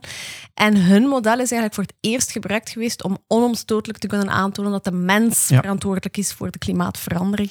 Dus eh, ja, ze hebben eigenlijk een beetje eh, scheppers van orde gespeeld in complexiteit en daarvoor de Nobelprijs gekregen. Ja, want dat is inderdaad de eeuwige discussie. Ja, maar die dingen kunnen ook toevallig voorkomen. Oké, dat klopt, maar niet in de- om, om het nu heel simpel te zeggen. eh, ik beweer dat mijn dobbelsteen verzwaard is, waardoor het meer kans heeft op een 5. Ik gooi 10 keer en het was drie keer een 5. Dat kan ook toeval zijn. Mhm. Maar inderdaad, als je kijkt naar alles wat over de hele aarde gebeurt en dan met de complexe systemenwiskunde die zij waarschijnlijk Voilà, ontwikkeld ja. hebben. Het is vooral de Italiaan die dat gedaan heeft. Hè. Oké. De, de twee eerste zijn de echte klimaatwetenschappers, allee, degenen die de modellen gebouwd hebben. Maar het is de Italiaan die eigenlijk heel, dat, heel die patronen heeft kunnen zien in heel die complexe systemen. Zo. Ik had uitleg aan onze, aan onze Jonas gevraagd. Eh, want die, zit, die, die zijn doctoraat gaat over, zit in datzelfde vakgebied. De volgende. Ja, en de laatste, allee, de laatste van de echte wetenschappen, allee, literatuur, dat is geen wetenschap. Dat is prachtig, maar geen wetenschap. Eh, Dat is de chemie. Vrede is nog mooier, maar ook geen wetenschap. Chemie is altijd op woensdag. Eh, en daar is het gegaan naar een Duitser en een Amerikaan voor een bepaald soort katalysator. Katalysatoren versnellen chemische reacties. En eh, tot zij hun ontdekking deden, dacht men altijd, ja, dat moet met metalen gebeuren of met enzymen. Het versnellen van zo'n chemische reactie. En zij hebben eigenlijk een derde type katalysator uitgevonden met kleine organische moleculen die ook eh, de chemische reacties een stuk eh, properder en ook een stuk efficiënter laat verlopen. Ik kan, ik kan ja, gigantische toepassingen hebben in eh, medicijnen produceren, zonnecellen produceren. Maar vooral de, de verduurzaming van scheikundige processen stond daar wel centraal. De meeste mensen kennen een katalysator van iets wat je op je auto moet laten installeren. En Ja. daar gaat het dan, denk ik, om bepaalde schadelijke stoffen heel snel om te zetten in minder schadelijke stoffen. Hè? Ja, vooral de stikstofoxides, denk ik, dat ze Ah, ja, dan daarmee wegdoen. Ja, voilà. Maar katalysator in de chemie staat algemeen bekend als iets wat een chemische reactie die normaal traag gaat, snel kan laten gaan. Zonder er zelf aan deel te nemen of daardoor wordt het veranderd. Klopt. Dat is wel Je belangrijk. Ja, ja. De katalysator zelf verandert niet. Hè? Klopt. Ja. En soms is dat inderdaad gewoon een metaaloppervlak. Hè, dat eigenlijk... In die van de auto's, dat palladium meestal. Ah ja, oké. Gewoon een metaaloppervlak. En als dat in de buurt is, dan Ja. hebben die eh, moleculen de ideale plek om te hechten en zich te recombineren. En nu, eh, eh, zij, zij gaan er nu met organische chemie doen? Ja, dat hebben zij gedaan. Dat hebben zij uitgevonden met de kleine, hele kleine organische... Enzymen zijn uiteraard ook orga- organische moleculen, maar, maar hele kleine organische moleculen, om dat een stuk properder te kunnen doen. Oké, dat waren de Nobelprijzen. We gaan eens naar de biologie, meer bepaald naar alle biomassa van de aarde, Ja. Peter. Dus dan hebben we, het, hebben we het ook over alle planten? Of Ja, alleen de- ja, nu dit, die, die, die een infografiek die, die ik daar toen gevonden heb, dat is vooral dieren. Maar ze hebben daaronder ook de vergelijking tussen wat, eh, de hoeveelheid dieren ten opzichte van de bacteriën, de virussen, de planten en dergelijke. Oké, dus als we alle dieren op aarde bekijken en bij biomassa gaat het dan echt over het, koolstof, hè, het het vlees. gewicht. Ja. Ja, ja, hoeveel, ja. hoeveel kilo olifant loopt er rond op, op ja, deze aarde? Hoeveel kilo zoogdier? En daar is nu een prachtige infographic van verschenen, die Ja. wij uiteraard in de show notes gaan zetten op maandoverzicht.nerdland.be. Wat staat er precies op? Ah, wel, ze hebben het dan eh, elke keer per eh, ton koolstof. Dus het, het wordt altijd vertegenwoordigd door het aantal blokjes. En elk blokje is 1 ton koolstof. En dat staat dan eigenlijk voor de biomassa dat dat vertegenwoordigt. Dan ziet het er zo wat Minecraft-achtig Ja, ja, het zijn allemaal zo van die etages. Het ziet er zo precies een appartementsblokje uit. En ik, ik, ja, ik moet zeggen dat ik toch wel een paar keer verrast was. Eh, hetgene wat het meeste... Ik heb altijd gedacht, eh, ja, entomologie, insecten, dat is, dat is zo wat de grootste biomassa eh, wat er is. Maar als je het... eh, dat is, dacht ik ook op het land. De grootste verrassing vond ik... De grootste biomassa zit in de zee. En dat zijn de arthropoden. Dat zijn dus de, de kreeften, de krabben, de garnalen. Dat is het grootste. Dat is het grootste. Ja, die zijn Allee. het grootste. En ik, ik, ik had wel goed al ooit, ge- eh, ooit een artikel gelezen, daar, daar ging het over van, oké, wat, wat, men vermoedde dat kril, ik weet niet of je kril, dat zijn die hele Ja. kleine garnaatjes, vooral als voedsel voor de walvissen. Voor de, voor de Daar grote- ken ik het ook van. ja, wel ja. En het, het ging erover van, is dat nu hetgene, het organisme dat het meeste voorkomt, of zijn mieren? Het was eigenlijk tussen die twee, maar het was kril. Oké. En dan past dat hier wel in, dat klopt. Ja, ja. Dus ehm, al de marine geleedpotigen, dat is eigenlijk hetgene wat er het meeste voorkomt. En dan, dat vond ik echt heel verrassend, de tweede dat is in de vissen. Wat, dus uw insecten staan niet eens in de top 3, of wel? Nee. Heb, Nee. je, heb je gehuild? nee ja, Oh, Ja, wel. je hebt Dus, toch ja, en, meer water dan land. Dat is toch... ja, ja oké, ja, dat klopt. Maar, maar als je dan gaat kijken, die vissen, dat is niet zoveel soorten ook niet. Hè. Dat, het- je moet altijd kijken, oké, insecten, 80% van al de soorten die hier rondlopen op, op, op, eh, Ik denk op dat het land. je ook- beetje gebiased bent. Natuurlijk ben ik dat, dat is zeker zo. Die wegen. Maar wat, ik, wat mij eigenlijk meer pijn doet, is niet zozeer die vissen, maar op het land de geleden wormen, dus de regenwormen en de bloedzuigers, die staan boven de insecten. Dat vind ik pas echt erg. Arme Peter. Zeg maar, vissen, dat is het huidige visbestand. Ja, het huidige Want bestand. Eigenlijk, Ja. wat dat je Working heel... on it, working on it. Die gaan zakken, Peter. We zijn daarmee bezig. Ja. wel, maar ja. dat, ja, dat is ja, zo maar- wat, dat je, wat dat je leest is dat, dat ehm, ehm, ja, als je de verslagen van oceaanvaarders vroeger leest, dat, die, dat die zeggen... Ik geloof dat er ooit iemand gezegd heeft, volgens mij kan je wandelen op vissen van Europa naar Amerika. Ja. Dat die zo gigantische scholen vissen zagen, constant. Dus vroeger moet dat nog een veel Dat moet nog veel meer geweest zijn, ja. En dan, en dat vond ik, dat had ik eh, recent ergens gezien. ehm, de zoogdieren kun je in drie verdelen. Dat is één, de mens.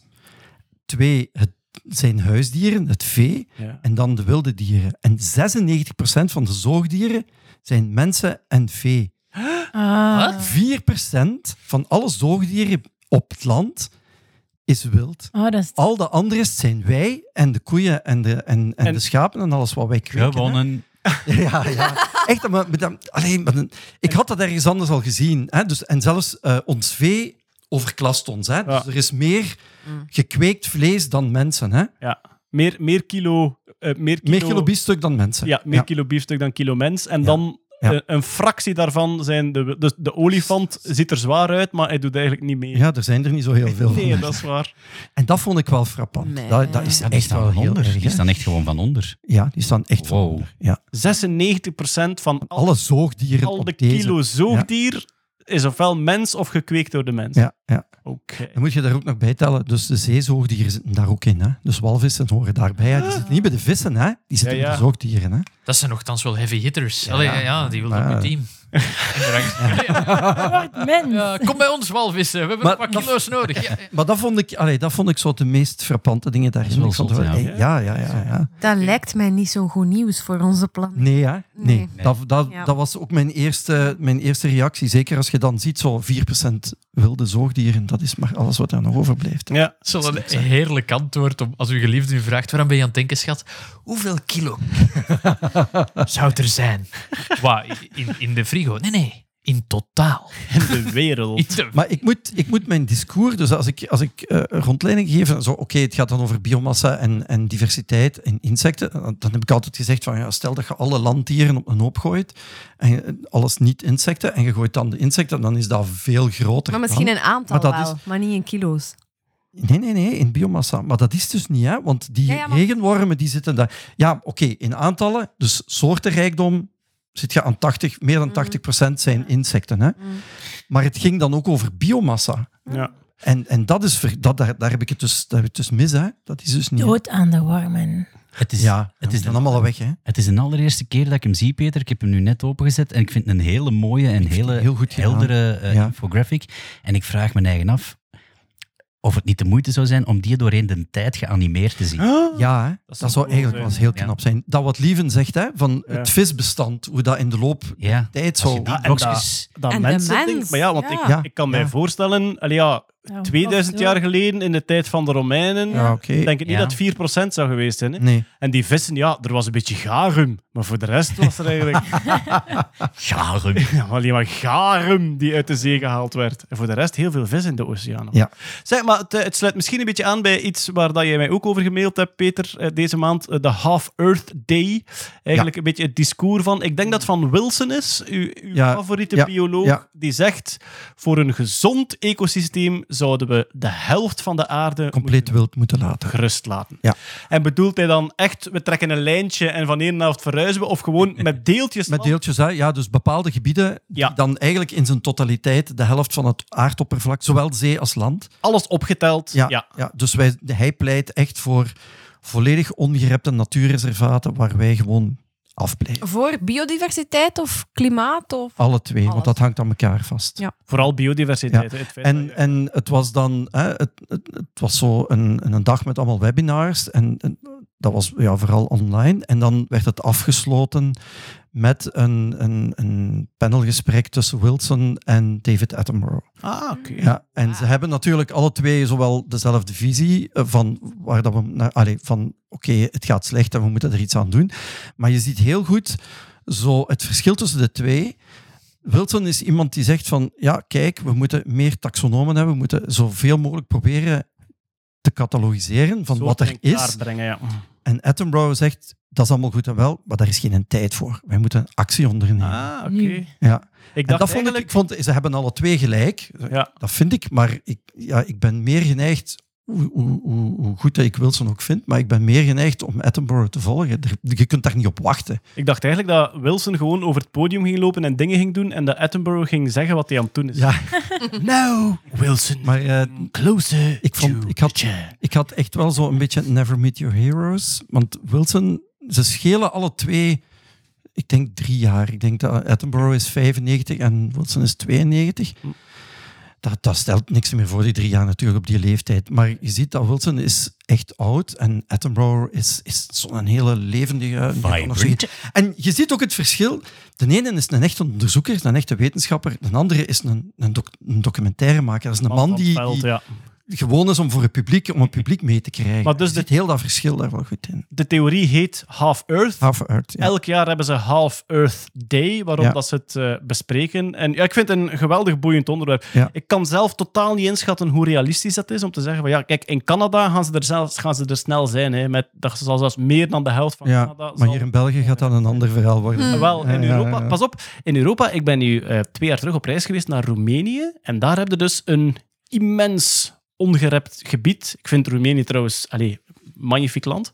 Een immens ongerept gebied eh, midden in Roemenië. De reden was dat eh Ceausescu eh, vond dat hij de enige was die mocht jagen Ah, ja. in Roemenië. Dus daarmee dat ze... Ja, we hebben natuur te danken aan een soort geflipte tiran. Maar dat is echt... eh, in Roemenië En daar zijn ook, daar zijn ook redelijk wat ehm, organisaties nu die er alles aan proberen doen om, als Roemenië economisch aantrekt, om dat te vrijwaren. Dus dan, dan, Ja, dan maar- zouden we in de Europese Unie echt een groot natuurgebied hebben. Ja, maar bijvoorbeeld in Bulgarije is er zo een vergelijkbaar heel groot gebied. En daar was een aantal jaren terug heel veel controverse, omdat die regering dat wil ontginnen. Die Ja. willen daar eh, skigebieden maken en die willen daar, willen daar eh, mijnbouw en weet ik veel wat nog allemaal. En die dingen liggen altijd heel zwaar onder druk. Hè? Dus Ja, ja. Dat, dat is heel moeilijk om dat hier in Europa gedaan te krijgen. Hoor. Ja. Ik heb nog een random saai weetje over David Attenborough. Weet je dat hij ervoor verantwoordelijk is dat we snooker op tv kunnen kijken? Die was programmator bij de BBC toen de kleurentelevisie uitkwam. En hij heeft gezegd, die gekleurde ballen, dat is een excellente sport om in kleur uit te echt? En dankzij hem is dat eh, zo. Alle- Dankzij hem zijn het ook gele tennisballen en geen witte. Ja, Is het waar? Yep. Allee. Maar ja, maar de, allee, zo, eh, een, een sport, de, de, eigenlijk de Darwiniaanse overleving van de sport, heeft de voorbije 50 jaar immens afgehangen van televisie. Dat is de reden waarom dat oriëntatieloop niet populair is. Oriëntatieloop is een heel populaire sport, vooral in Scandinavische landen, maar onuitzendbaar op tv, want er staan overal bomen en het zijn lange afstanden. En in de tafeltennis hebben ze een paar jaar geleden hun balletjes groter gemaakt, zodanig dat ze beter zichtbaar zijn op tv en dat de rallies trager zijn. Ja. Dus, eh, Ik zie die in Attenborough nu ook al. Look how the white ball carefully approaches the red. to mate. Oké, eh, ik heb ook Viking nieuws. Viking niet. Ja, helaas geen jingle voor, omdat er niet vaak Viking nieuws is. Ja, eh, het is al lang bekend dat de Vikingen de waarschijnlijk eerste Europeanen waren die in Amerika geraakt zijn. Lang voor Columbus, 500 jaar voor Columbus. Eh, Erik de Rode zeker, was het niet? zijn zoon, Ja. Leifur Eiriksson. Ja. Dus Ja. Erik de Rode... Is tot Groenland geraakt. Ja, Erik de Rode is tot Groenland geraakt en zijn zoon Leifur Eiriksson, dus de zoon van Erik, die is dan doorgevaren naar Vienland, wat dan wijnland betekent, was Newfoundland. En je ziet er ook mooi de marketing van de vikings in. Ze komen toe in IJsland, in een van de strengste winters. Ze zeggen, amai, dat is hier IJsland. Daarna willen ze grond in IJsland verkopen aan andere vikings en die zeggen, IJsland, ik ben niet zot, hè, kameraad. Dus ze ontdekken een nieuw land, ligt vol met ijs. Als we dat hier nu eens Groenland noemen, dan gaan ze wel. Dus dat, is, dat is echt marketing. Ja. En goed, dan eh, hebben ze dat Groenland genoemd. En toen dachten ze, lap, nog een land. Hoe gaan we dat verkopen? Wijnland! Hey. Er groeiden effectief druiven daar, Vienland. Eh, en dus in Newfoundland zijn er effectief viking-nederzettingen teruggevonden. Die stonden in de volksmond bekend als het Indianendorp omdat die daar gewoon niet bij stilstonden, dat dat ook van vikingen kon zijn. En dat is dan pas goh, een paar tientallen jaren geleden hebben ze ontdekt. Dit zijn heel duidelijk viking-nederzettingen. Wat is er nu gebeurd? Ik denk dat de Universiteit van Groningen was. Die hebben uit bepaalde balken zijn die begonnen met, ja, C14-methode is eigenlijk het dateren van materiaal, maar die Maar- zijn C14-methode beginnen toepassen op jaarringen van de balken. Ah. En dan echt zo per jaring gaan kijken. En bij bepaalde eh, kosmische evenementen, denk zonnestormen en zo, fluctueert de C14 per jaar. En van een bepaald jaar lang geleden kennen ze dat heel precies. En in die jaringen hebben ze de sporen gevonden.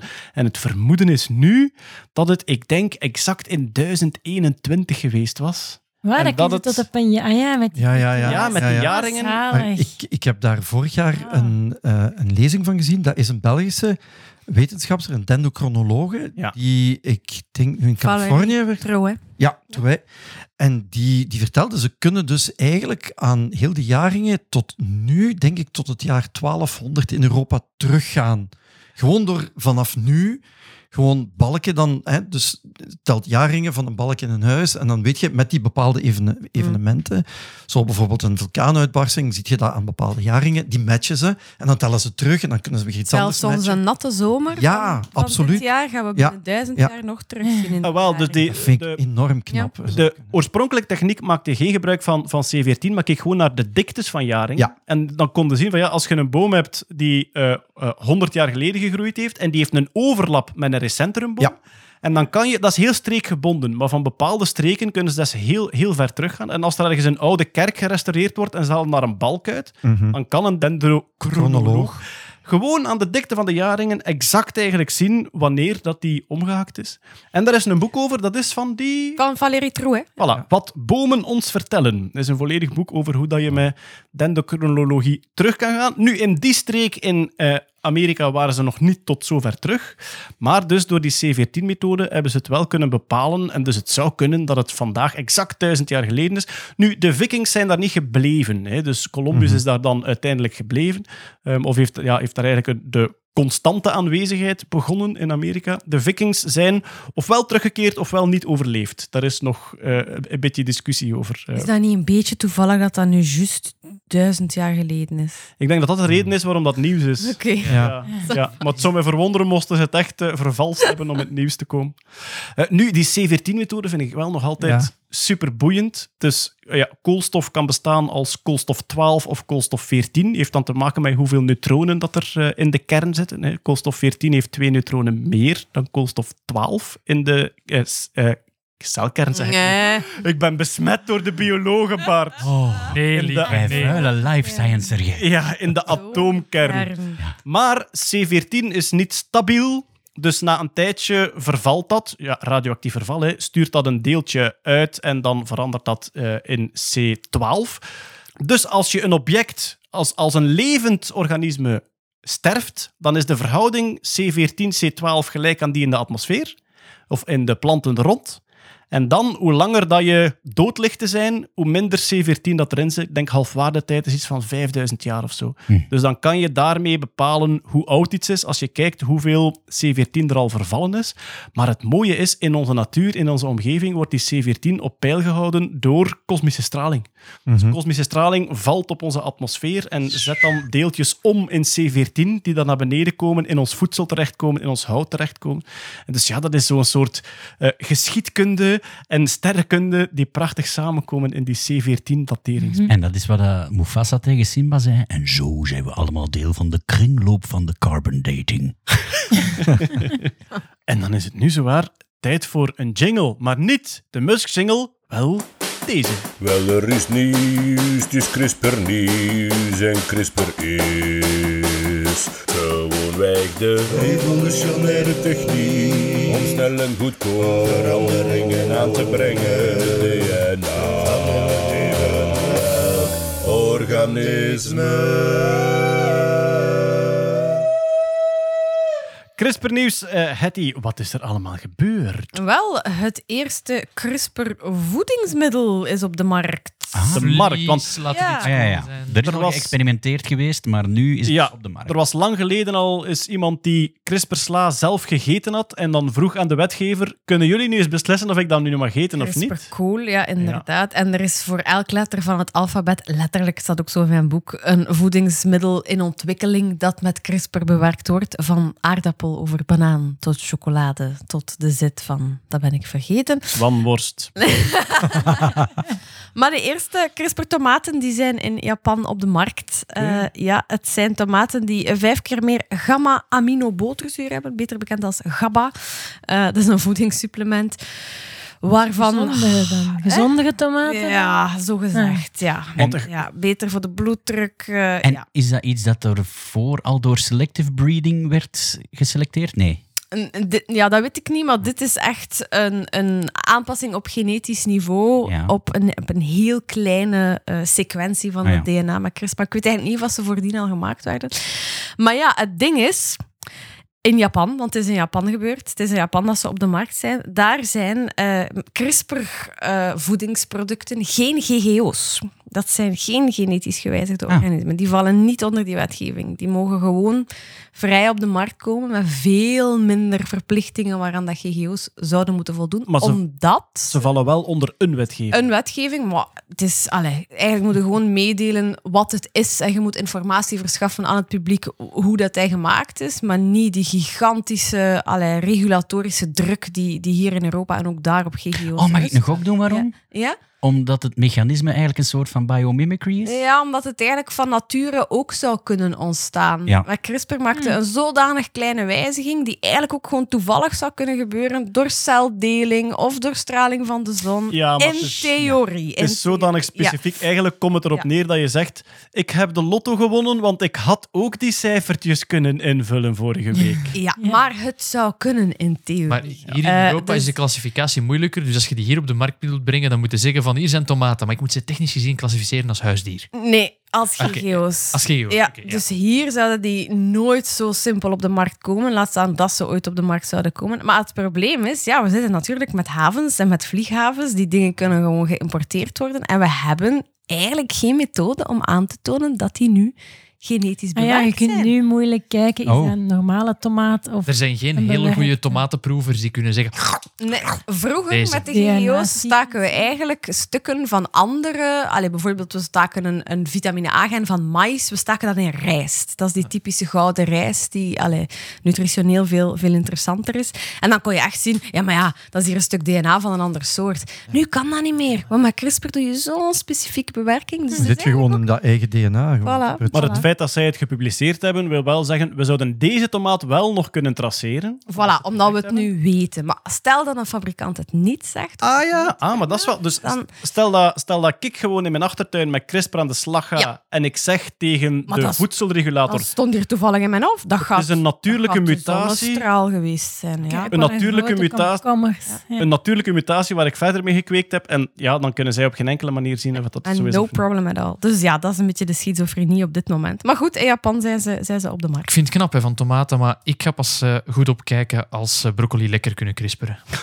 Broccoli is super lekker. Broccoli is de Met een beetje knol duivels. Ja, dat, dat zegt u al genoeg. Het feit dat je er kaassaus bij lekker gemaakt. Oh, witloof is ook lekker met kaassaus over. Alles is lekker met kaassaus over. Dat is het hele punt. Broccoli zo, Broccoli zo, zo net niet genoeg gekookt en Ja. dan nog even in de oven. Allee. Oh, Als ik- ik kook Dus- met Hello Fresh en broccoli is een, eh, een ingrediënt, dan zeg ik altijd leuk geprobeerd, Dus- broccoli. Jeroen, Geen sponsor. Jeroen een t-shirt, broccoli-skepsis. En dus er zit meer GABA in. Wat beweren ze dat dat eh, gezonder ja, maakt? gezonder, eh, lagere bloeddruk, beter voor de stress. Want ja, GABA, GABA-receptoren in uw hoofd. De eh, GABA-receptoren ja, is waar dat alcohol op inwerkt en waar dat je rustiger van wordt. Maar ik neem aan dat tomaten niet door de blood-brain barrier geraken. Maar ja, Ja, ja. dat zullen we aan specialisten moeten vragen. Er was nog ander CRISPR-nieuws uit de medische wereld. Ja, klopt. eh, voor het HIV-virus. Eh, HIV, dat is een retrovirus. Wat doet zo'n virus? Keer dat... Ja, ah, eh, de rave! Ja, nee, ze bedoelt dat het cool was in de jaren 80. Ah, ja, ja. Oh! Sorry aan iedereen, sorry. Oh, amai. Rustig daar, Thierry Bot. hè. Ehm, maar wat doen retrovirussen? Die, dat zijn eigenlijk RNA-virussen, maar die eh, vormen zich om tot DNA in ons lichaam. En dan gaan die eigenlijk integreren in ons eigen DNA. In de, de immuuncellen, daar gaan die zich eigenlijk eh, gaan ja, vastzetten. Die kunnen daar jaren gewoon latent aanwezig zijn, zonder dat die iets doen. En dan plots, als de ziekte actief wordt, als je dan echt het syndroom krijgt, het AIDS-syndroom krijgt, dan eh, wordt er van dat geïntegreerd stuk DNA terug RNA gemaakt en dan worden er eiwitten van gemaakt en gaan die zich vermenigvuldigen, bla bla bla. Nieuwe virusdeeltjes gebouwd. Exact. Maar wat kunnen we met CRISPR doen? Knippen in DNA. Dus wat zouden we in theorie kunnen doen? Dat geïntegreerde HIV-virus er kunnen Wegknippen. uitknippen, inderdaad. ja. ja. Ja. en tot nu toe eigenlijk, allee, de retrovirale middelen, dat was altijd om, allee, om dat allemaal Suppress. te suppressen, om te zorgen dat die niet terug geactiveerd werden, maar dat bleef wel in uw lichaam zitten. En nu, allee, de eerste eh, menselijke tests die worden nu opgestart, was zeer succesvol in muizen, dus getest dat effectief eerst op muizen en dat heeft gewerkt, ook in niet- niet-humane primaten. Ehm, ja, kun je eigenlijk voor het eerst beginnen dromen over echt het verwijderen van dat virus uit een mensenlichaam en van mensen echt te gaan genezen van die Het virale zit, ziekte. het, zit in onze, eh, het zit in de witte bloedcellen. Ja, en de immuuncellen. Ja. Het zit in de immuuncellen van iemand die, die... Want ja, we we hebben het er altijd over, je kan niet crisperen op volwassen personen omdat al die cellen er al zijn, maar je kan wel al die immuuncellen via het bloed dan filteren en heel specifiek daarop gaan krijgen. Ja, of zelfs rechtstreeks. Allee, als je maar genoeg toevoegt en er is voldoende... Allee, er zijn nu echt in vivo-tests ook van, van hoe bijvoorbeeld in het oog rechtstreeks CRISPR gaan inspuiten. Allee, zolang dat Maar, je... maar dan moet je eigenlijk iets zoveel inspuiten dat elke witte bloedcel dat je hebt op, uh, is- uitgekrisperd is- geraakt. Dat is een bombardeertechniek. Hè. Ja, ja, ja. bombarderen tot alles weg is. Hè. Hoe vaak ververs ik mijn bloed? Eh, elke paar maand. Enfin, de, Allee, ja, ja, ja. mensen ja. met een goede hygiëne doen dat. Ja, hè. Ja, ja, sterk. voilà. Ik moet nog eens naar de garage. Als, als, als, als het is gelijk met een fritex, is het al vijf jaar hetzelfde, vrees ik. eh. Oh. Oké, ehm, weten wij welke fase dat ze zitten? En, ehm, Ze moeten nog starten, maar ze mogen starten. Dus ze hebben een goedkeuring van de FDA gekregen om op mensen te beginnen. Op muizen werkt het en ze mogen het nu beginnen starten op mensen. Oké. Eh, Marian, nieuws in Chipsland. Ja, het is niet speciaal nieuws van deze maand, maar het is eigenlijk wel getriggerd door dat er deze maand bij Apple weer nieuwe chips zijn uitgekomen. De M1 Max en de M1 Pro. Maar dat is eigenlijk een beetje, en, daar wou ik het dan over hebben, een, een, een één symptoom van iets dat al even aan de gang is, dat heel veel van die bedrijven in Silicon Valley, maar eigenlijk vooral softwarebedrijven, beginnen hun eigen chips uit te brengen En is dat nieuw? Dat is toch de laatste tijd opvallend meer. Het is eigenlijk een tweetal jaar geleden begonnen met Tesla bijvoorbeeld, die zijn eigen chips voor zijn Tesla-auto's begon te maken en al het Nvidia-chips uit hun auto's gooide. Dus Maar- vroeger werd dat standaard Vroeger gekocht bij... kochten Ja. eigenlijk een Tesla koopt GPU's ergens anders. Hè, bij Nvidia steekt dat in zijn auto's. En Elon, Musk zei, wij maken onze eigen chips. En sinds twee jaar, elke Tesla dat je koopt, heeft een Tesla-chip daarin zitten.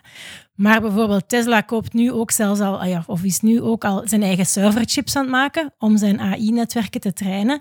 Want ze zeggen dat dat veel beter is dan al die serverchips dat ze op een ander kunnen kopen. Apple heeft de Intel-chips, of is de Intel-chips geleidelijk aan het buiten gooien. Vorig jaar met de M1-chip, maar nu die een M1 Max en M1 Pro. En die zijn inderdaad beter dan wat je nu kunt kopen op de markt. De Maar baas van Ja. Intel hoopt nog altijd dat ze terugkomen. Hè. Ja, dat was een heel pijnlijk interview bang, van... Ze komen wel terug, hoor. We- we- It was just a break. Ja, hij belt, ze gaan wel bellen binnenkort. Krijgt daar nu een USB-stick bij, bij zo'n chip. Maar en, Sorry. en het is eigenlijk overal aan de gang. Alibaba maakt zijn eigen serverchips. Baidu heeft nu eigen chips gemaakt.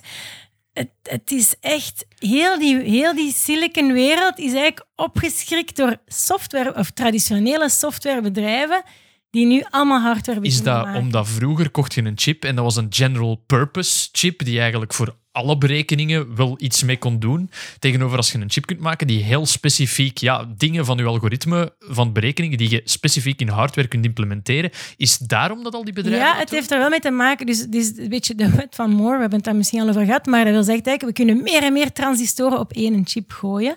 Die nieuwe Apple M1 Max chips, die hebben 50 miljard transistoren op een chip. En eigenlijk, als je een goede processor maakt, heb je misschien een miljard of nog niet. Een paar honderden miljoenen transistoren nodig voor één processor te maken.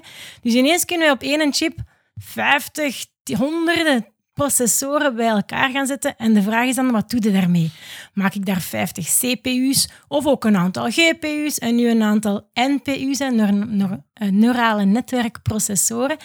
En iedereen wil dat inderdaad customiseren naar wat er voor hem belangrijk is. En dan zie je heel die diversificatie in de markt. En dat is echt iets van de laatste jaren, inderdaad. Heeft dit te maken met die chips schaarste ook? Dat ze zeggen, we, we vertrouwen de supply lines niet meer? Eigenlijk is dit al aan de gang van daarvoor. Dus het is zeker niet daardoor begonnen. Maar dat is nu wel misschien een beetje een katalysator dat bedrijven het toch nog meer binnenshuis proberen te houden. Is het niet omgekeerd? Omdat net die beweging opgestart is dat er nu chipschaarste is, omdat er plots zoveel producenten zijn die dat, en, dat, en de materialen, de edelmetalen die dat ervoor nodig zijn. We bellen Geert Noels. Ik, denk, ik weet niet of Voor de effectief- macro-economische... Ja. Er worden sowieso meer chips verkocht nu dan een hele tijd terug. Maar of dat die nu allemaal van dezelfde komen of door meer verschillende gemaakt worden, is denk ik op zich Ja, niet ja. geen dat meer schaars. Er is nog een verschil Ja. tussen uw eigen chip designen en uw eigen chip Fabriceren. Ja, Ah, zo, ja. daar, dat is wel interessant. Die designs die worden dus veel meer divers en al die andere bedrijven beginnen er te designen. Maar die fabricatie blijft in handen van een paar grote Ja. spelers. hè. Ja, en daar ving ik van op dat eh, Taiwan daar immens belangrijk in is. Ja. En dat er echt wel nervositeit is, omdat China nu een beetje met de spierballen aan het rollen is naar Bij Taiwan. 70% van alle chips in de wereld bijna, of of 65 of zo, wordt in, Tai- in Taiwan gemaakt. Als je dan beseft dat China daar kan binnenvallen, en we zitten nu al met die schaarste, ja, dat is, dat is enorm impactvol. Die macht die daar zit is gigantisch. Hè? Ja, wel, want we, hadden al inderdaad, we hadden het er vorig jaar over, dat opeens autofabrieken stil lagen omdat er een vierkante centimeter van de onderdelen niet geleverd kon worden, namelijk die Ja, computerchip. nu is het al veel meer dan alleen die auto's. Hè. Eh, gsm's worden niet meer geleverd, die play, eh, Playstations of wat allemaal. Ja, Dus stel dat China zegt, en nu is het oorlog met Taiwan, dan gaan wij dat immens voelen in onze elektronica. wat pijn hebben. En dat is ook een van de redenen dat ze nu aan het kijken zijn om in Europa en in ehm, Amerika bij te investeren om chipfabrieken te bouwen. Intel heeft al gezegd, we gaan erin zetten in, in Europa. Dat is nu Op een beetje drie landen. discussies Ja, plat. Ja, nee, Kunnen we wel daar- heel stil chips maken van 300 meter hieronder, hè? chips maken niet veel lawaai. Ah. Eh, nee, Duitsland, Frankrijk, Italië zijn in de running. Ah, dat is ook een kwestie van centen en politiek. Super interessant om het in een andere podcast over te hebben. Ik heb onlangs eens in gedetailleerd gelezen, zo een, een machine die litho- lithografie doet om chips mee te maken. Wat voor een marvel van techniek dat is. Dat gaat ook over zo'n klein... Ik bedoel, ja, dat zijn nanometer afstanden. Dat is ongelooflijk. En die staan in Leuven ook, denk ik. Hè? Zo die... IMEC doet daar onderzoek Ja. naar, hè, naar die nieuwste technologie. En is dat dan met, met projectie, dat je iets, iets projecteert een met, met, om met zo- een lens eigenlijk Ja, ja, ja. verkleind? Ja, het is niet één lens. Het is een machine om zo een chipje te maken. Dus dan een, een, een wafer noemen we dat, een, een reeks van chips. Dat is echt een machine die een paar huizen groot is. Maar, en dat is dan met inderdaad lichtstralen die door ik weet niet hoeveel lenzen en filters en spiegels en zo gaan, om dat maar kleiner en kleiner en kleiner te focussen. Tot En dan een exact heel- valt op een paar nanometer. En dan een heel klein patroontje te etsen. Ja, met interferentie ook, want die, die golfvormen zijn eigenlijk, of die golflengtes zijn groter dan de patroontjes dat je wilt kunnen etsen. Dus je moet werken met de interferentie van die golfjes met elkaar. Het, het, de, de lichtgolf wiebelt te hard om precies te kunnen werken. ja, oh, ja. damn. Maar dus een grappig neveneffectje is met heel die trend Jelle naar de Beulen. hardware. Ja, Jelle de Beul, ook een grappig neven. Sportief. Sportief. Vroeger was Silicon Valley hardware en de laatste tien jaar is Silicon Valley software. Iedereen die daar geld wou verdienen, ging daar software schrijven. En nu zitten al die Googles en Amazons en Facebooks en Tesla's die chips willen maken te krabben voor terug mensen die iets van hardware kennen en ze hebben daar tekort. Ah, jij moet We ze moeten gaan opleiden. verhuizen, maar... eh, Nee, dat is echt een gigantische omslag in onze wereld. Ik vind dat, in, in mijn domein, ik vind Ja, ja. dat enorm fascinerend. Ja. Oké, kijk, voilà. Als, eh, als we zien vertrekken naar, eh, naar Silicon Valley. Willen wij mee? Ja, inderdaad. En dan is het nu dan toch tijd voor...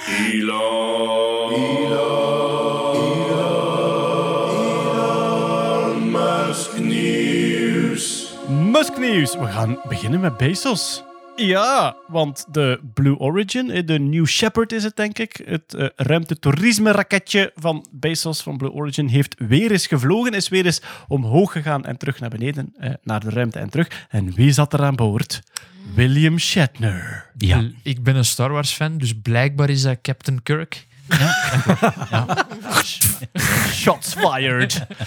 ja, zeg eens, eh, Trekkies, eh, wie is William Shatner? Dat is inderdaad Captain Kirk. hè. Dat is de allereerste, De allereerste. Star Trek Captain. Oh, ja, van de originele series uit de jaren 60? 66. 66, voilà. die nu echt in de ruimte geweest... Ja, ja, eigenlijk wel. Hij is in de ruimte geweest, ja, juridisch gezien. Of hij een astronaut is, dat, ga, dat blik gaan we Mhm. niet opnieuw, Mhm. opnieuw opentrekken. Ja, ja er, ging, er ging een, een meme rond op het internet dat we ons allemaal moesten verkleden als personages uit Planets of the Apes tegen dat hij terug beneden was. en Neil deGrasse Tyson heeft hem geretweet met de commentaar I'm really tempted to do this. Maar ik vond dat zo grappig. Is 90 jaar oud en er werd beweerd, maar nu moet ik kijken naar de in de ruimtediscussie of niet, dat hij de oudste man, de oudste persoon in de ruimte Ja, ooit klopt. was. Daarvoor klopt. was het Wally Funk, die ook Ah, ja. Ah, ja. is meegevoerd. Die was Juist. 82, of is 82, en hij is 90. Hè. Hebben jullie, hebben jullie het pijnlijke moment gezien toen de capsule aankwam op aarde? Nee. Jeff Oh. Bezos was zelf naar de woestijn gereden, waar dat, dat ding neerkwam, om eh, als het luik open gaat, William Shatner Ja. te begroeten. En William Shatner begint aan een soort van epische speech Ja. over the impression I had, which I never expected, as you're shooting in this blue sky. Waar op het moment Bezos, een van zijn medewerkers, een fles champagne ziet bovenhalen. En in het midden van Shatner zijn speech zegt: Yeah, I'd like some champagne. Het was, oh, het is zo pijnlijk. Ja, ja, maar- want William Shatner staat daar met, met de ogen op, Ja. op, op het zwerk gericht te Ja. filosoferen. Ja. En, en ja, Bezos onderbreekt Ja. hem om, een met fles die fles champagne te doen. William Dat is- Shatner is een beetje een rare mens. hè. Dat Op- is op- geen- dat is een rare dat is een beetje een rare mens. Op Twitter ook. Die zoekt de ene eh, controverse en ruzie op na de andere. In, in dat opzicht is dat het volledig tegenovergestelde van Patrick Stewart, zijn opvolger, hè, Captain Picard. Maar wat dat je wel heeft, is dat je inderdaad, je kan in een soort van lyriek vervallen die heel mooi is. Die, kan echt, die, die is vatbaar voor verwondering. En eh, die heeft daar vroeger een paar heel gekke dingen mee gedaan, maar die, heeft ook al, die is al uitgenodigd geweest door NASA ook om missies te becommentariëren en zo. En die kan echt vanuit de mouw hele mooie dingen zeggen. En dat is dus... eh, ik, ik zag dat ergens in een, ehm, in een nieuwsbulletin uit de States van zijn dame. En, en ik vond het er bonk op. Ze zei van... eh, ooit hebben mensen gezegd van... We moeten poëten naar de ruimte sturen. Ah wel, ik heb het gevoel dat dat met u gelukt is. En dat klopt. Maar dus die, allereerst, die allereerste poëzie die in hem opborrelt... Die wordt door Bezos zo botweg echt afgebroken. Omdat hem ziet... Oh, mijn team is hier eh, lol aan het maken. En champagne, die zijn daar zo... Yeah, Mijn moeder heeft dus gelijk. Hè. Je koopt geen manieren met geld. Hè. Voilà, mama. Nee, maar het was, het was effectief heel pijnlijk. Ja. Ja. Pijnlijk. Want dat had iets heel mooi kunnen zijn. Dat is wel een constante aan het worden in het ruimtetoerisme. Het, er wordt altijd, het wordt heel cringy gemaakt door de miljardairs in kwestie. Mhm. Zo, hè? Ja, ja. En ik besefte onlangs ook dat het eigenlijk een beetje een move is die hij al gedaan heeft. Een tijd geleden heeft, eh, toen, toen ehm, de science fiction serie, heel populaire science fiction serie, ehm, The Expanse, werd stopgezet. Ja, die Door- Expanse. Lieven heeft dat in een podcast The Expansion genoemd en de mails dat ik gehad heb. The Expanse, voor één keer. Ex- Expanse, die niet expansion, expansion. die expansion is een type zwangerschap, denk ik.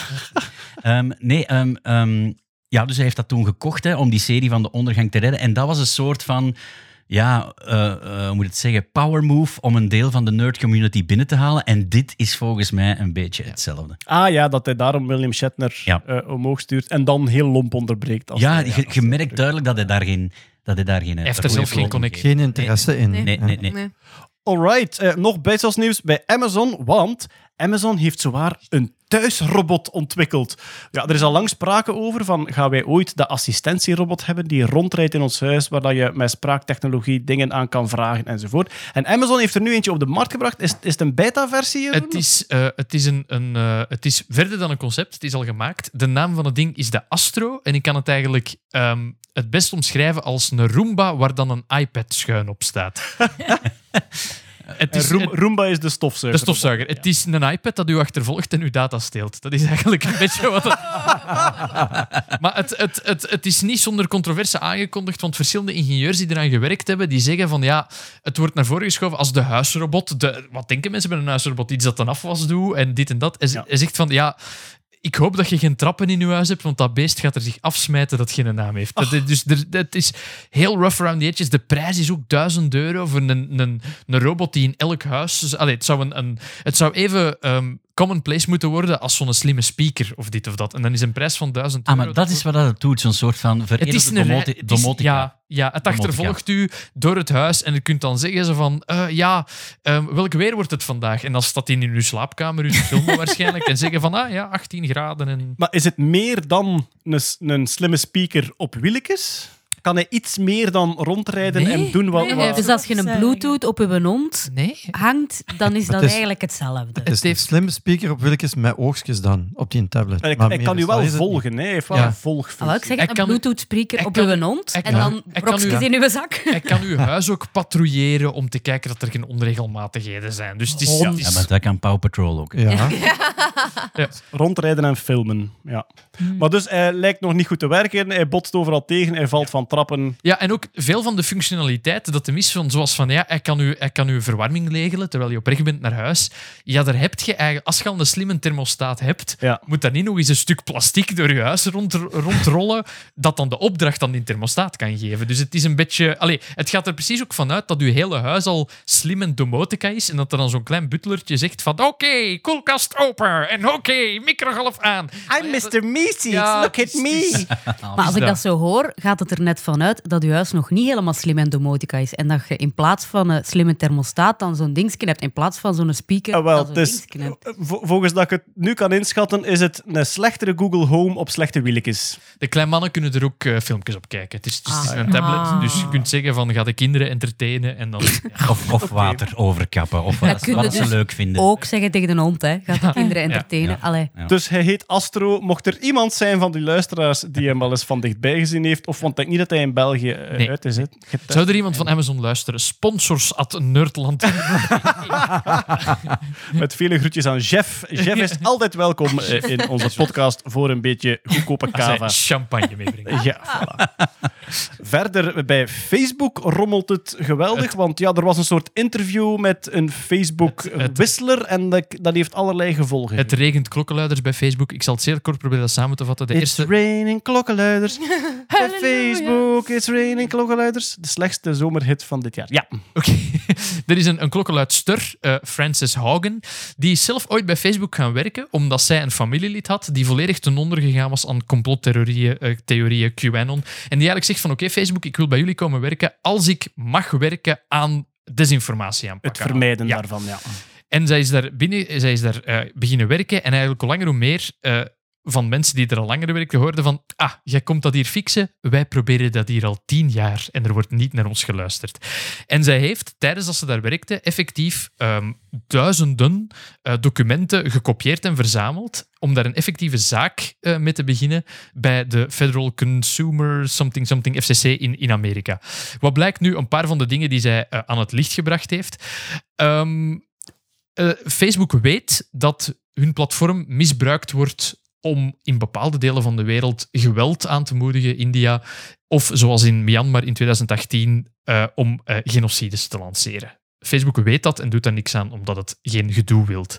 Facebook heeft ook een aanpassing gedaan aan, aan zijn algoritme in 2018. Dus het algoritme, je zit per dag 10 minuten op Facebook en de algoritme beslist welke posts dat je ziet en in welke volgorde. Ja? Niet gewoon de tijd dat het alles gewoon chronologisch was, Ja. daar proberen ze je heel hard van weg te halen. Facebook heeft een aanpassing gedaan in 2018 aan dat algoritme, waarvan het zelf meetbaar zei dat meer extreme ehm, berichten aan bod komen. Want wat bleek uit een onderzoek? De gemakkelijkste emotie om bij mensen los te weken is kwaadheid. Ja. En kwade mensen klikken meer, kwade mensen blijven langer op Facebook zitten. En dat is eigenlijk het, het grote probleem. Facebook optimaliseert maar voor één parameter, dat is tijd die mensen op Facebook doorbrengen. Ja. Het gaat zelfs zover, er zijn aanpassingen gebeurd aan de algoritmen in 2018. Er zijn Europese partijen hier die een brief, een geheime memo naar Facebook gestuurd hebben, waaruit ze zeiden, wij merken dat jullie aanpassingen gedaan hebben in het algoritme. Mensen zijn meer extremere eh, berichten, meer extremere eh, meningen als mainstream beginnen kijken. En zij pushen ons nu als eh, verkozen partij om meer extremere standpunten in, in te nemen dan we willen. Dus de hele cirkel is rond. Facebook doet een aanpassing aan het algoritme en uiteindelijk zit er een partij in Europa dingen door te voeren die volledig gevoed zijn door, door een soort van, van, volging die geradicaliseerd zijn. Maar ik, allee, ik merk het zelfs in de Vlaamse media. Ehm, ja, die, die algoritmes die sturen heel, heel hard waar uw nieuws terechtkomt, wie er u allemaal ziet. En twee voorbeelden van mij persoonlijk van het voorbije jaar. Ehm, columnisten die gevraagd wordt om scherper te zijn. Dus lees eh, iets meer met de voeten vooruit te gaan. Omdat dat veel meer trafiek op de website Tuurlijk, ja. oplevert. Een, een column die, die mensen eh, ja, beledigt, of een column waarin dat je je eigen ideologie veel scherper stelt dan dat je ze eigenlijk bedoelt. Nuance verkoopt niet, daar komt het op neer. Als je ongenuanceerd bent, gaat er veel meer tegenreactie komen en kranten hebben dat graag. Dat zijn meer kliks op de website, dat zijn meer views. Dus ook onze eigen kranten zijn daarmee voor verantwoordelijk. En ik heb een ander voorbeeld dat ik dan persoonlijk meegemaakt heb. Ik moest een, een filmpje maken over, over 5G-technologie, maar zuiver technologisch filmpje. Ehm, voor een, een wetenschapsplatform online.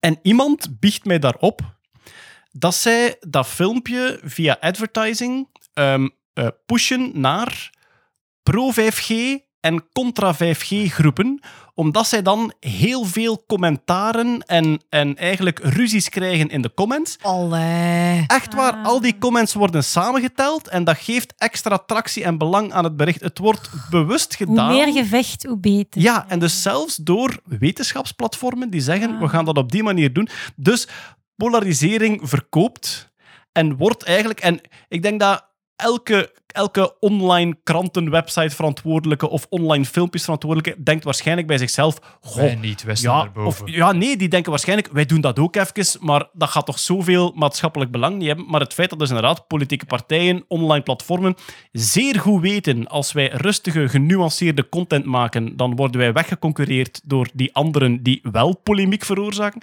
Ja, dat is, dat is een soort nieuwe kracht in de samenleving die zorgt voor polarisering. Nog een ander klein ding dat ik wil vermelden. Een van de andere onderzoeken die zij dus documenten naar buiten heeft laten lekken, is Facebook heeft zelf een onderzoek laten uitvoeren. Welk effect heeft Instagram op eh, jonge Oh ja. meisjes? Eh, juist, ja. En uit dat beperkt onderzoek, daar is commentaar op gekomen van, van een paar mensen van oké, dat is geen breed onderzoek.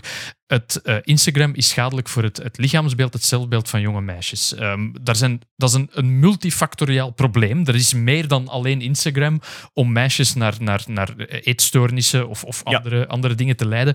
Maar Instagram is een enorme amplificatiefactor daarin. Ja. En ook, eh, dat is eh, andere testen die ze gedaan hebben, als je een nieuwe account aanmaakt op Instagram en bepaalde topics begint te volgen, zit je op... Dat is, dat is een, een, een, proces dat, dat meerdere externe onderzoekers gedaan hebben. Wat gebeurt er als ik een naakte account aanmaak en gewoon begin te klikken op dingen die mij interesseren? In elk van de gevallen word je na een tijd naar extremere content geleid. Als je, Ah, als je, oké. als je, ehm, als je interesse toont in, in, in gezond eten, in bewust met je eten bezig zijn, zit je na een tijd bij anorexia-verheerlijking, Ah, dat soort dingen. Omdat je, omdat je heel snel naar extremere content geleid wordt om meer tijd op het platform door te brengen. Eigenlijk zou iedereen die eh, iets te hard zoekt, inderdaad, naar zo... ehm, eh, ja, iedereen die terechtkomt in zo anorexia-dingen en te veel beauty-dingetjes, die zouden ze verplicht eerst een paar Celeste Barber-filmpjes moeten laten zien. Oh, Voor wie ze niet kent, Celeste Barber is een ehm, eh, Australische... comedienne, ja. Ja, voilà, Australische comedienne. En wat hij eigenlijk doet, is ja, zo die hele over-de-top zwoele filmpjes van topmodellen speelt zij na in haar living, in haar ondergoed. ja. Maar haar, haar vis comica, dus haar, haar, haar comic gezicht, ja, het is duidelijk een, een, een podiumcomedienne die heel goed weet wat ze doet. Ja. Ik vind het zo goed. Het is heel Ik heb goed. me daar al zo, ik heb me is- zo hard gelachen. Het is geweldig relativerend ten opzichte van al die extreme berichten die dat je ziet passeren. En dan vooral in modecontext, wat dat, dat, daar Ja. richt zij haar pijlen vooral op. Al die, al die fashion, al die mode, al die celebs die dat van die eigenlijk hele rare, extreme, zieloze filmpjes maken. Ja, zo vertraagd en zwoel. Nu, ik moet wel zeggen, zij zelf, zij zelf lanceert het nooit als aanval. Want zij geeft zelfs complimenten aan de personen van wie dat ze de filmpjes imiteert. Zij is daar ook vriendjes mee. Dus, voilà, en ja. zegt dat ze er fantastisch is. Ze heeft ook heel veel fans onder, Ja. die, onder die vriendjes. Maar wat dat voor mij zo goed werkt, is... Je ziet eerst dat super gestyled, ehm, echt over de top... Iets onmenselijks eigenlijk. Voilà. Je ziet eerst zoiets onmenselijk geësthetiseerd. Ja. En dan heb je die een heartbeat naar dat filmpje van haar. Ja. En vaak is het er zo boenk op. Ik heb daar echt Goh. al lachstijpen van gehad. Niet. En het is prachtig, omdat zij is geen topmodel. Ze, het, is ook, het is ook geen echt super dikke vrouw of zo, maar het is iemand, ja, gewoon... Met, Dat is normal body. Ja, normal voilà. body, ja, voilà. Maar, maar die, dat is zo zonder gêne dat hij gewoon alles in de strijd werpt met heel veel humor. Echt fantastisch om te zien. Voilà, Celeste Barber voor al uw dochters en zonen. Ik ga nog één quote eh, voorlezen. Toen Facebook op de hoogte gebracht werd dat er in de aanloop naar eh, de bestorming op het Capitool verschillende groepen eh, met geweld begonnen te dreigen, wouden zij niet ingrijpen. Ik citeer uit de memo. Some leg- legislators will get pissy and then in a few weeks they will move on to something else. Meanwhile, we are printing money in the basement and all is fine. Oeh, dat is zo letterlijk... Letterlijk in de memo in wauw. Dus to be continued. Voilà, Facebook-gerommel. We hebben ook nog nieuws van Muskie Wuskie zelf. Namelijk, hij heeft gezegd dat de Starship deze maand nog zijn orbital test zou krijgen. Dus dan spreken we over heel dat gigantische Starship in een baan rond de aarde. Deze maand nog. Of dat Musk-time is, dat valt nog af te wachten. De Giga Suppo. De Giga Ja, ja, inderdaad. Ja. De Oh. grote zilveren suppositoire zou echt in een baan rond de aarde gaan. Zoals ik al zei, ja, het zou Musk-time kunnen zijn, maar dat tempo van die Starship-ontwikkeling is wel al verbijsterend geweest de, de, de voorbije jaren. Dus ik geef het een goede kans. En voor nieuwjaar dan, ja, zo, zo goed als zeker, denk ik. Hè. Ik kijk er geweldig naar uit. Denk Het dat will dat, eh, block out the sun. ik denk dat dat, eh, ik hoop dat ze de Suppo naar Uranus sturen. Oh, Dat zou toch prachtig zijn? Maar dan moet hem niet met de punt naar Uranus, dan moet hem omdraaien. Hè? Ja, nee, dat is een mythe. Nee, nee, nee. nee. Wat? Ja, ja. Dus Daarom? Ah, Oké. ja, Ja. ja, ja. ja. Super moet, eh, super moet wel met de punt eerst. Echt? Ja, ja, ja, ja, ja, ja absoluut. Ik ben, ges ik ben geschokt en Maar, lichtjes wat? violated. Stuurt, stuurt er twee en we testen het. Een soort van race. Ja. Dokters zeggen dat alleen tegen jongetjes die ze pijn willen doen. Eh, geen doen. Oh, ik heb hem droevig gemaakt. Snel, bel Poncho. Toen ik last had van mijn nierstenen, heb ik zo'n suppo moeten pakken. En toen heb ik daar Maar geen tekening bij maken. Go! En je, je hebt dat gelezen op Reddit, dat dat, dat, dat achterstevoren Ik moet. denk zelfs dat mijn apotheker me dat gezegd Maar- heeft. Dat is toch niet dat logisch? is toch... Allee, als je dat design bekijkt... Ja, maar dat is toch natuurlijk een heel logische verklaring achter. Het heeft gelijk de vorm van een pijl zelfs ja, maar er zat een redenering Ja. achter. Ja. De redenering is dat uw darm dichtnijpt achter Ja. de suppo en dus dat die pijlvorm dient om hem vooruit te duwen. Maar eh, dat blijkt eigenlijk compleet. Klinkt wel als een nieuw idee voor de Boring Company. Dus ook, ik denk in een endeldarm van een wombat dat dat niet zou werken. Want dat is... ja. Oh, die hebben kubusvormige suppo's eh, waarschijnlijk. Zwat, we gingen hier snel doorgaan en we zijn afgeleid over suppo's. Ah, wel, maar nu moet ik toch een zijsprongetje nemen, want er woont een wombat in Paradisa en ik heb hem gezien. Ik stond oog in oog met de wombat in Paradisa, die heel saai aan het slapen was, wat dat een soort jobvereiste van dieren in een zoo is. Maar ik had contact met de persverantwoordelijke van Paradisa. Bedankt Sven trouwens, dat was al op heel korte tijd gelegen. En- Dankjewel. Ik heb kakjes meegekregen. Ik heb echte wombatkak in mijn diepvries zitten. In de diep.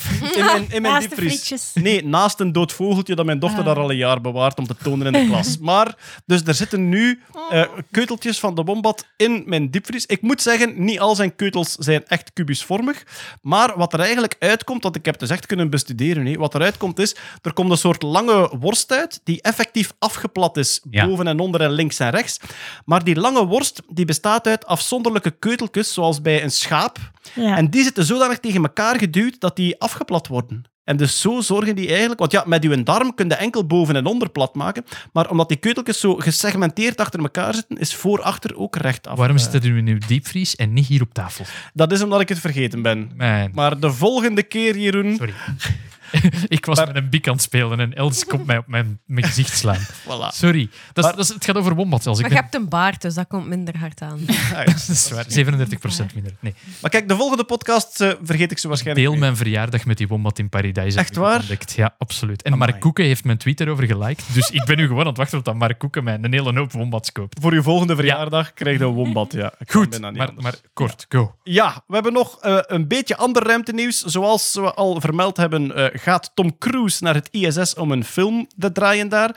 En hij dacht, hoera, dan ben ik de eerste die een film draait in de ruimte. En toen zeiden de Russen, I think not, Tom Cruise. We can do this faster. Meer zelfs, ze zijn daar geweest, ze zijn al terug op aarde. Het zijn al terug Ja. de eerste filmbeelden zijn gemaakt in het ISS. Klopt, een actrice en een regisseur, een Russen, eh, ja, die zijn vertrokken. Ze zijn daar twaalf dagen geweest in het ISS. Ze hebben daar een film gemaakt over een zieke astronaut die dringend medische hulp van op aarde nodig heeft. En dus die vrouw speelt de arts die van op aarde naar het ISS komt. En de zieke astronaut die wordt gespeeld door een echte Russische astronaut die daar Oh, dat wordt top acteerwerk. Absoluut. Wetenschappers die getypecast worden.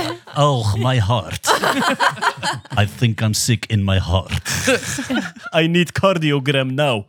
Eh, de film zal in het Russisch zijn, neem ik aan. Hè? Ik veronderstel het. Ze Ja. heet eh, V- Vizhov, of hoe dat je het ook uitspreekt. Eh, challenge of uitdaging. Ja, ik hoop wel echt dat hij met ondertitels ook hieruit komt. Want ja, ik wil hem absoluut wel zien. Ah, Iedereen ja. die Tom Cruise pest, is mijn vriend. Ja. Dus, eh, En Tom Cruise was normaal voor oktober eh, gepland, maar die vlucht is al uitgesteld naar voorjaar 22. ja. eh, Maar het is op zich ook wel een mijlpaal in de ruimtevaart dat een commercieel project traject als een film effectief twee, zet, twee zitjes op een Soyuz krijgt. Regisseur en actrice gaan omhoog naar beneden. Het is echt uniek wat Ja, we nu absoluut. is Ik vond dat toch wel prachtig om iedereen zo cramped in een Soyuz naar boven te zien vertrekken. Als je kijkt naar het Amerikaanse de ruimteprogramma, welke ja. verschillende ruimtetuigen dat die Amerikanen allemaal al gehad hebben over de Space Shuttle heen, nu naar de Crew Dragon. En bij die Russen is het al Bij de Russen is, Ja. we still use Nissan Micra. Dat is echt waar. Want daar gaat ooit toch een keer iets mee gebeuren. Dat is toch... Ja, blijkbaar De niet. Soyuz is heel betrouwbaar. Als je, kijkt, als je kijkt hoeveel, en dat is echt waar, als je kijkt hoeveel lanceringen dat er al met een Soyuz gebeurd zijn en hoe weinig dat er misgelopen is,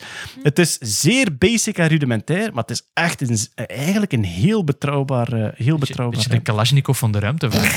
nee, maar nee, zonder zeveren. Ja. Ja, kijk.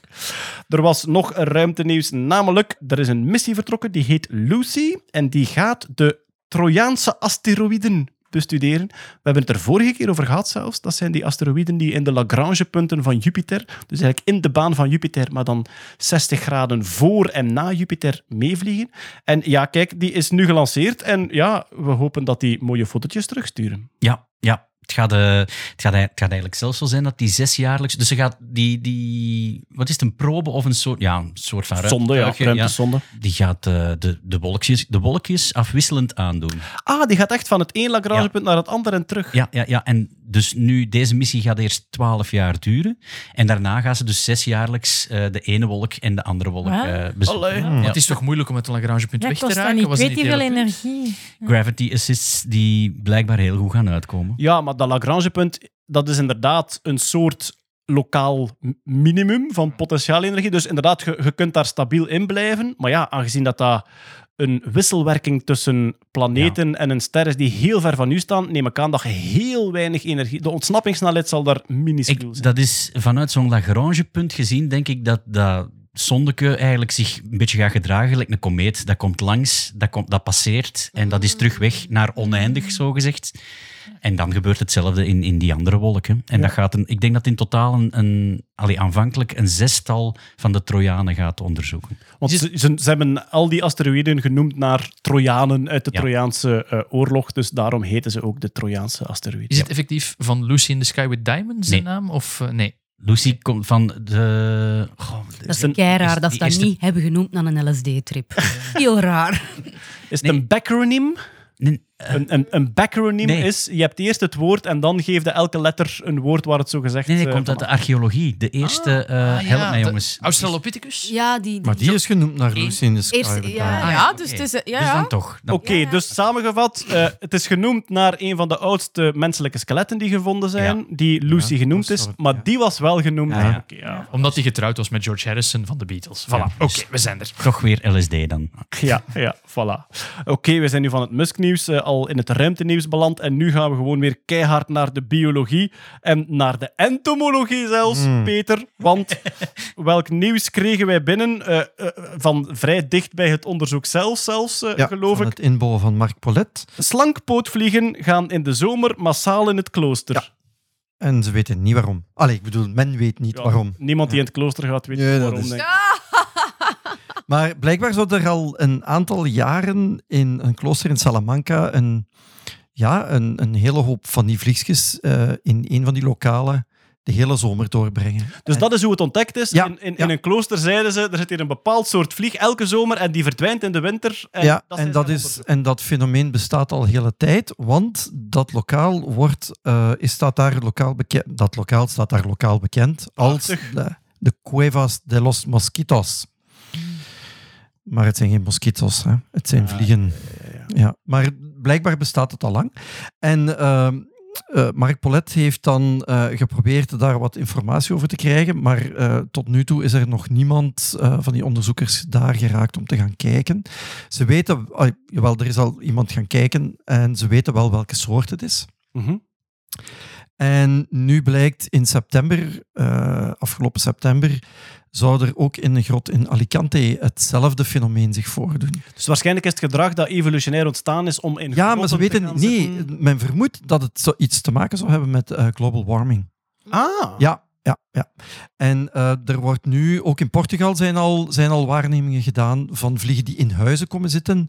En er is zelfs, ik denk nu recent, Maar ik ben niet zeker of dit nu dezelfde soort is. Ook in Vlaanderen zou ergens iets geweest zijn, Wil dat zeggen, als het klimaat opwarmt, dat wij als mens enkel kunnen overleven door in het klooster te gaan? bijvoorbeeld. Of Of, in een- een grot. Of in een grot? Ik ga voor de grot. Koop. Pot, pot, grot.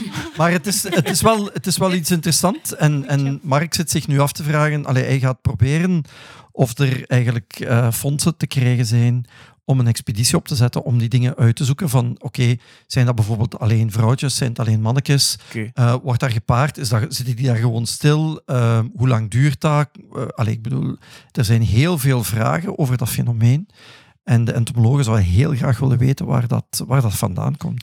Als ik- privacy, schendende vragen. Hè. Ja, dat wel, hè. Ja. Als ik nu op vliegjes in mijn huis tegenkom, dan denk ik van, oh nee, hier ligt er iets te rotten.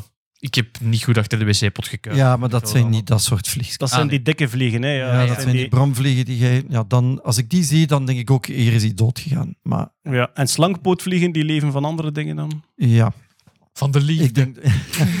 ik, weet, ik, ik weet nu niet... Ik denk dat, ze, dat de larves van, van eh, plantenmateriaal leven. Van wierook en mirre. Weer ook in het midden. ja. Ah ja, in de klooster, natuurlijk. En, Of hosties. en eenzaamheid. Ja. En keiharde zakdoeken. Ja. Leren, leren. Maar fijn, goed. To be continued. Van Yes. jarenlange crimopedoseksuele repressie. Bo, we hebben nog wat korte nieuwsjes staan waar we doorheen proberen te razen in ons welgekende supersnelle tempo. Marian, machine learning verlost 112 van broekzakbellers. 112 is het noodnummer. Ja, Die krijgen vaak ja, telefoons die eigenlijk ja, van telefoons in een broekzak, zoals iedereen wel eens gehad heeft. Wat, wat kan AI daartegen doen?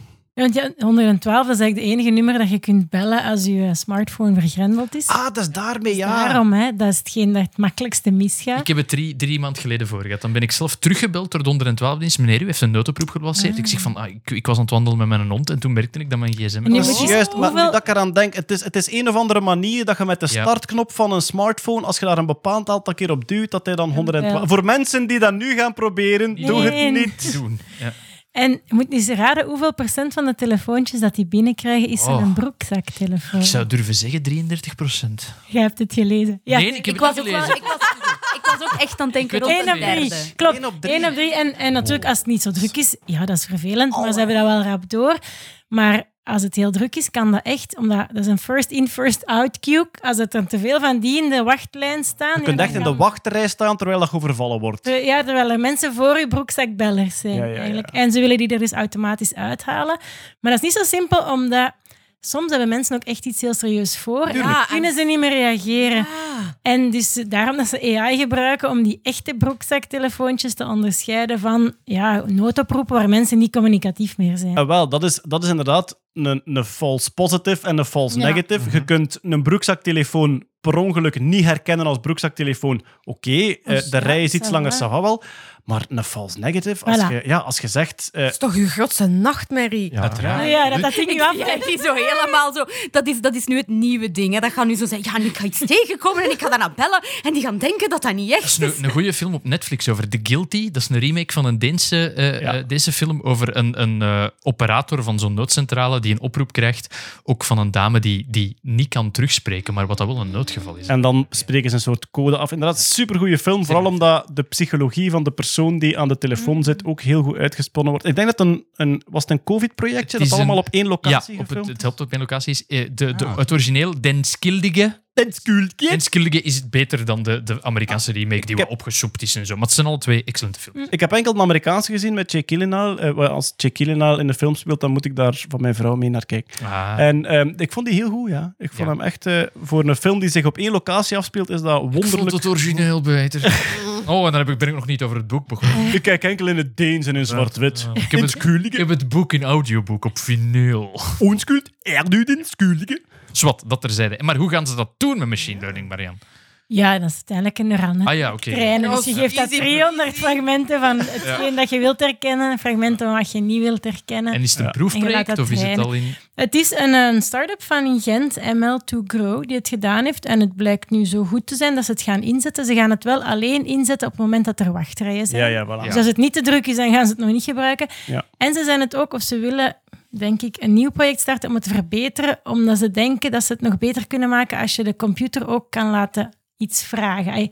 Stel niet dat de computer twijfelt, is het een Ja. broekzak of niet, dan kan hij misschien iets zeggen en als die persoon dan anders reageert. Ik ga u negen foto's sturen en je moet zeggen welke dat er verkeerslichten bevatten. Ja, Je ligt daar aan dood te bloeden. Hallo, ben jij een broekzak? dus als je belt naar Ronde 12, zeg eerst klaar en duidelijk: ik ben geen broekzak. En dan kom je hopelijk vooraan in de rij te staan. We hebben fandom nieuws, namelijk van eigenlijk bijna de enige fandom die ik zelf een beetje volg. Doctor Who. Het nieuwe seizoen is aangekondigd, Els. Niet alleen aangekondigd, het begint... Voor ons, ja, dat is eigenlijk... Het klopt helemaal, want voor ons begint het eigenlijk komende vrijdag. Maar de mensen die hier nu luisteren, is het eigenlijk vorige vrijdag. Ah, ja. Dus de tijdlijnen zitten een beetje door elkaar. Het zal timey-wimey, eh, wibbly-wobbly timey-wimey. Ja. Maar dus elke vrijdag is er op BBC een uitzending van Doctor Who. Ja, ja nu. vanaf eh, 31 oktober, eh, dus Halloween begint het. Dit is Els vanuit de montage. Ik had mijn tijdlijnen helemaal een beetje door elkaar. 31 oktober was natuurlijk een zondag. En Dr. Who wordt ook elke zondag uitgezonden in plaats van vrijdag. Dus elke keer als ik zeg vrijdag, bedoel ik eigenlijk zondag. Zondag, Dr. Who, BBC One. Klaar. En eh, het, is het nieuwe seizoen is een beetje anders dan de vorige seizoenen. Het is wel een heel kort seizoen. Het is maar zes afleveringen. Oké. Dat is jammer. Maar het zijn wel zes afleveringen van één lang verhaal. Dus het is eigenlijk een beetje een, zo, zo gelijk dat je zo miniseries zou hebben. Zo. Dus het is eigenlijk één lang verhaal en elke aflevering. Domme vraag. Wie is momenteel... Is dat nog altijd Jodie Whittaker? Die- Ja, voorlopig nog wel. Haar laatste seizoen, hè? Ja, Ah, ja. ja. Dus eh, nu, het, heel het verhaal heet Flux en er gaat van alles gebeuren. En er zijn je ziet timelines. Is, is het dan in dit seizoen dat op het einde ook al de nieuwe dokter ontvelt uit Wel, zijn n- kokon? Of weet ik veel wat dat Nee, nee, dat gaan ze houden voor. Ah, ja. Het is binnenkort 60 jaar Doctor Who. En eh, dat gaat een, een, een, een zeer groot ding worden. En daar zou de Regeneration. Ah ja, dat, dat, Ja. Is, dat is de wissel. Voor wie het niet kent, Doctor Who is een eh, science fiction reeks met heel veel humor in, maar ook vooral met heel veel drama en psychologie in over een Time Lord, een tijdsreizigende, tijdsrijd, rijd, ja, tijdsreizigen, Een time traveler. zeg. voilà, een time traveler.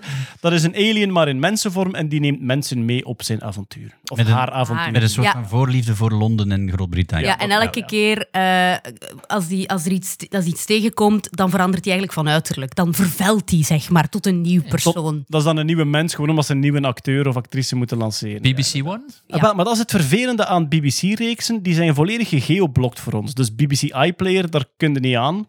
Dus BBC-reeksen, eigenlijk moet je, moet je gewoon opnemen. Je moet Ja. je recorder zetten. En dat is vervelend voor de mensen die nu luisteren naar de podcast, want de eerste aflevering is al geweest. Nu, bel naar die- uw nerdvriendjes, die kunnen dat oplossen met een En VPN. die worden bijna altijd later in de week nog een keer heruitgezonden. Ah, dus ja, je moet het nu direct checken en dan zien. Ja. Maar wacht, wacht, wacht. En anders belde naar Els en dan die, die, die klapt u wel bij. Voilà. Het is nog niet alles. Want je had het net over heel veel humor en dit en dat. Die 60 jaar Doctor Who, niet alleen gaat daar een nieuwe dokter bekendgemaakt worden, wat dat huge is.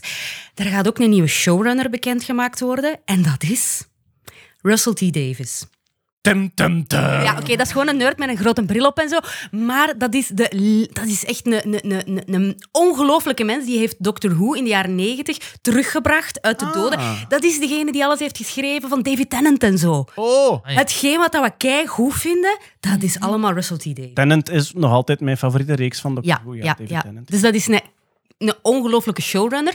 Die, die bijvoorbeeld ook voor mij de beste reeks van 2000 Misschien mm. misschien 2020. Uh, It's, a Sin. Ja. Hmm. Dat is die reeks over, over, die, die jongens ja, in, in de oh. jaren 80 in Londen. En dat is, ja, dat is blijden. Hè. Ik heb daar mijn huisgenoot hard mee horen blijten. En ik dacht van, Maar dat is, dat is ook een enorm mooie reeks. Dat is totaal niet nerdy of sci-fi of zo. Maar dat is gewoon een mens die heel goed verhalen kan schrijven. Maar die zal pas invloed hebben vanaf de volgende reeks. Ja, ja. Dus, dus deze vanaf de, de 60 jaar Doctor Who special deze reeks is nog van de vorige. En we weten dus nu al dat er een nieuwe Doctor Who zal komen.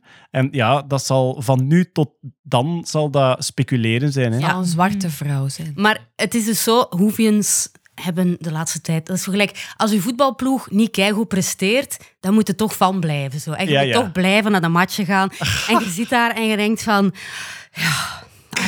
We zitten hier weer en we gaan er toch voor. Is de huidige Dr. Who een lesbische vrouw? Is dat, is dat, of, wordt dat niet, niet gebruikt? Wel, de, de, de actrice niet, denk ik. Nee, nee, maar- en maar- en het personage heeft geen amoureus... Ah, jawel, die, heeft, ja, die is Ja, getrouwd dat- geweest als man ooit. Ja, maar sowieso gaat dat, gaat dat altijd... Is dat, in Doctor Who is liefde heel vrij.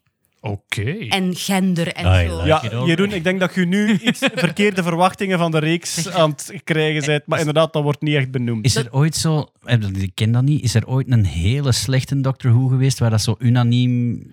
Een over- George, een George Lazenby. George Lazenby, ja. Of een, een Jar Jar Binks. Ja. Ja, goh, ik denk dat Whovians daar wel opinies over Ja. hebben, over wie dat een mindere Doctor Who was. Ik, er zijn er voor mij ook een paar dat ik denk van, goh, dat vond ik niet de beste cast, maar ik ik ga er niet over Ik beginnen. heb er één in mijn hoofd, maar ik durf het ook niet uitspreken. Want Zeg, Al die gun, mails naar Jeroen. Mails jawel, naar Jeroen. Mails naar Jeroen. Als je, dat zegt, als je dat zegt, krijgen we veel reactie en dan gaan ons Facebook-likes Ah, ja, ja, ja, omhoog en dan komt er heel veel commentaar. Kom op. Dat is els.nerdland.be. Ja, voilà. Oké, maar dus eh, de nieuwe Doctor Who-reeks is bezig, nog steeds met Jodie Whittaker. En dan komt er inderdaad een nieuwe Doctor Who. Maar ik denk dat het een heel goed idee is om nu te beginnen volgen. Dan kun je Ja. mee met de Plus ook volgende in die nieuwe reeks, er komen echt een paar ja, slechteriken uit het verleden terug, maar echt zo de, de keigoeie. Je merkt zo, we zijn aan het klaarmaken om even een reboot te doen, om Ja. het beste wat dat van vroeger is terug te pakken en gewoon een herstart te doen. Keigoed. Maar ik ben zo geen fan van Londen. Moet ik dan... Ah, maar het is nu allemaal in Liverpool. Hey! Ah, uw excuus kwijt. En Shit. normaal gezien bij Doctor Who, ook al zijn er veel verwijzingen naar vroeger, kun je altijd wel instappen en mee zijn met het verhaal zonder dat je alles ervoor gezien hebt. Ja. Dat klopt. Wat hebben we hier nog staan? Marian, een 24-jarige vrouw, geboren zonder reuksen, is opeens hersteld. Die kon als, op, op 24-jarige leeftijd kon die voor het eerst dingen ruiken. En ze vindt het vreselijk. Ze haat het. Zat We die zitten hier in een redelijk kleine ruimte die afgesloten is. Ik snap haar. zat die haar neus toevallig toe? Want dat Nee, want ze hebben, die, ze hebben die op haar vijftiende onderzocht en die bleek een centrum in de hersenen te missen. Oei. Om te kunnen ruiken, dat heet dan de bulbus olfactorius. Een deel van uw hersenen waar uw reukzenuwen aankomen en van waaruit het verder gaat naar andere delen van de hersenen om verder verwerkt te worden. En die had dat niet. Dus die signalen konden niet van haar neus in haar hersenen geraken. En toch ineens, tien jaar later, begon die zo te ruiken. Eerst eh, begon die lavendel en knoflook te ruiken en dan mest en zo altijd geleidelijk meer en meer. Wauw. En ze hebben dat dan onderzocht. En wat blijkt, die heeft nog altijd dat stuk van die hersenen niet. uiteraard. Maar die signalen hebben zich een andere weg gevo- Ja. gevonden. Neuroplasticiteit, En de hersenen, voilà, ja. hebben zich daaraan aangepast. En de theorie is nu zo'n beetje dat dat door in haar puberteit, door hormonen, onderdrukt is geweest om die andere paden te kunnen maken. En dat dat nu Ja, ja, dat ja. dat allemaal wat gestabiliseerd is. Meer en meer gaat ontwikkelen en dat gaat meer en meer blijven komen, normaal gezien. Ze gaat beter en beter beginnen ruiken en die vindt dat niet leuk, want die... Oh nee. De theorie daar van de onderzoekers is dat normaal ruikt je bepaalde geuren graag omdat je die koppelt aan Ja. mooie herinneringen. Hè. Deine geur doet ons denken aan kerstmis. hè. Dat is het Ja. typische voorbeeld. Of aan lekker eten. En die heeft die koppeling niet. Dus dat is kei vervelend. Dat is Ja. gewoon lastig voor haar eigenlijk. En Maar- ze- ja, die moet nu dus geurtraining volgen. Oké. Wat ze al lekker ruiken vindt, is curry. En dat dat een lekker gerecht is. Ja. Zeg, Amen. ja, en Ja. eten, want ineens proeft hij dan toch... Want geur en smaak, dat Ja, ja. is toch keihard samen? Ja, Dat zou wel een hebben. geleidelijk. Want zat wel smaaks in dan. Ja, ze kan proeven, maar Tja. wat dat even Ja, maar alleen uitgesproken is, dat is niet te vergelijken. Hè? Ja. Dat zijn alleen uw vijf basissmaken. Al de andere rest is, is Komt- geur. Ja, geur. Ah, is het echt? Ja, tuurlijk. Ah, oké, ja. Het is grappig dat hij nu moet trainen om dingen lekker te vinden laten. Ja. Ja. Ja. Oh man, de eerste keer dat hij op een volle metro stapt. Oeh, dat komt, deze komt niet goed. Nee. Zo, op een, een bus op een warme zomerdag. Ja. Maar hetgeen dat daar in het fundament gebeurt, is wel razend boeiend. Ja. Wij hebben zo, eh, toen, toen Otto Jan en ik Brain Man gemaakt hebben, hebben wij een prof ontmoet in de States. En die is dus nu bezig met een soort van. Of die, die is een theorie of model van de hersenen nu, is het, het, wat dat hij noemt het potato head model. Ik weet niet of je dat speelgoedje kent, Amerikaanse Ja, ja, Mr. ja. Potato Head, bekend uit Toy Story ook. En je kunt eigenlijk elk zintuig, laten we zeggen, eh, de ogen, neus, eh, mond, je kunt die op elke andere plaats steken. plakken. Ah. Maar dat is dus wat dat hij vermoedt, of ja, met Een andere plek op de hersenen dan. Ja. ja. Eigenlijk kunt jij eender welke input in eender welk deel van de En hersenen dan is het koppelen. kwestie van training. Ja, uw hersenen zijn, elk deel van uw hersenen is een patroonherkenningsmachine. Ja, maar het moet toch zo zijn dat het hier moeilijker was voor die signalen, want anders had het zelf van... Ja, er is, er, is duidelijk, er is duidelijk een geprefereerde structuur Ja. van de Het is een hersenen. geprefereerde structuur door, door, ja, door de manier waar- waarop het groeit ook. Maar je kunt, ja, Kan zich je, je hersenen zijn bijzonder flexibel. Op De dat gebied. plastici- neuroplasticiteit, ja, ja, dat Ja. is inderdaad. Ja. Sowieso dat hij een vriendje heeft die nu uh, tegen iedereen aan het zeggen is: Ik heb eens een scheet gelaten. Ja. Zo sterk. Dat mijn vriendin terug kon rieken. Ja, mest was een van de eerste dingen dat ze Voilà, terug ja, kon maar ja. raken. Maar kijk, neurologisch eh, geweldig interessant, dus eh, wie weet horen we er nog wel eens iets van. Ja. Wat al een tijdje in is, en ook heel spectaculair, zijn drone light shows. Dus drones die in de lucht gaan met lampjes. En dan kan je er allerlei patronen van zien. Ik heb er nog nooit eentje live gezien, maar op YouTube staan er echt magnifieke beelden van boeiings die nagebootst worden door lichtgevende drones. QR-codes. QR-code Ja, ook. Een volledige planeet aarde met alle werelddelen op die zo ronddraaiden in de lucht. Met de launch van Star Trek ook een volledig schip en logo. Zelf. Ah. Ah, oké. Beter voor de huisdiertjes ook, want geen knallen.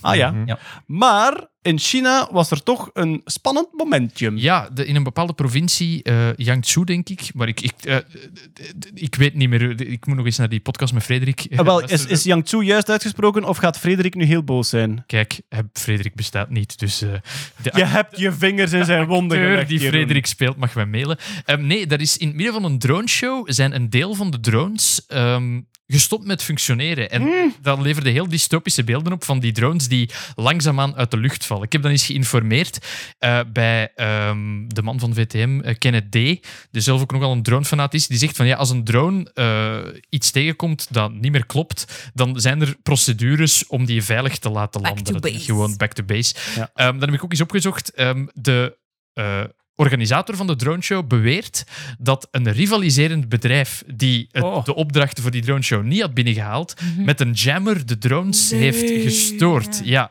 En dan vroeg ik me af van, ja, zo'n droneshow, dat zijn patronen die dat die maken.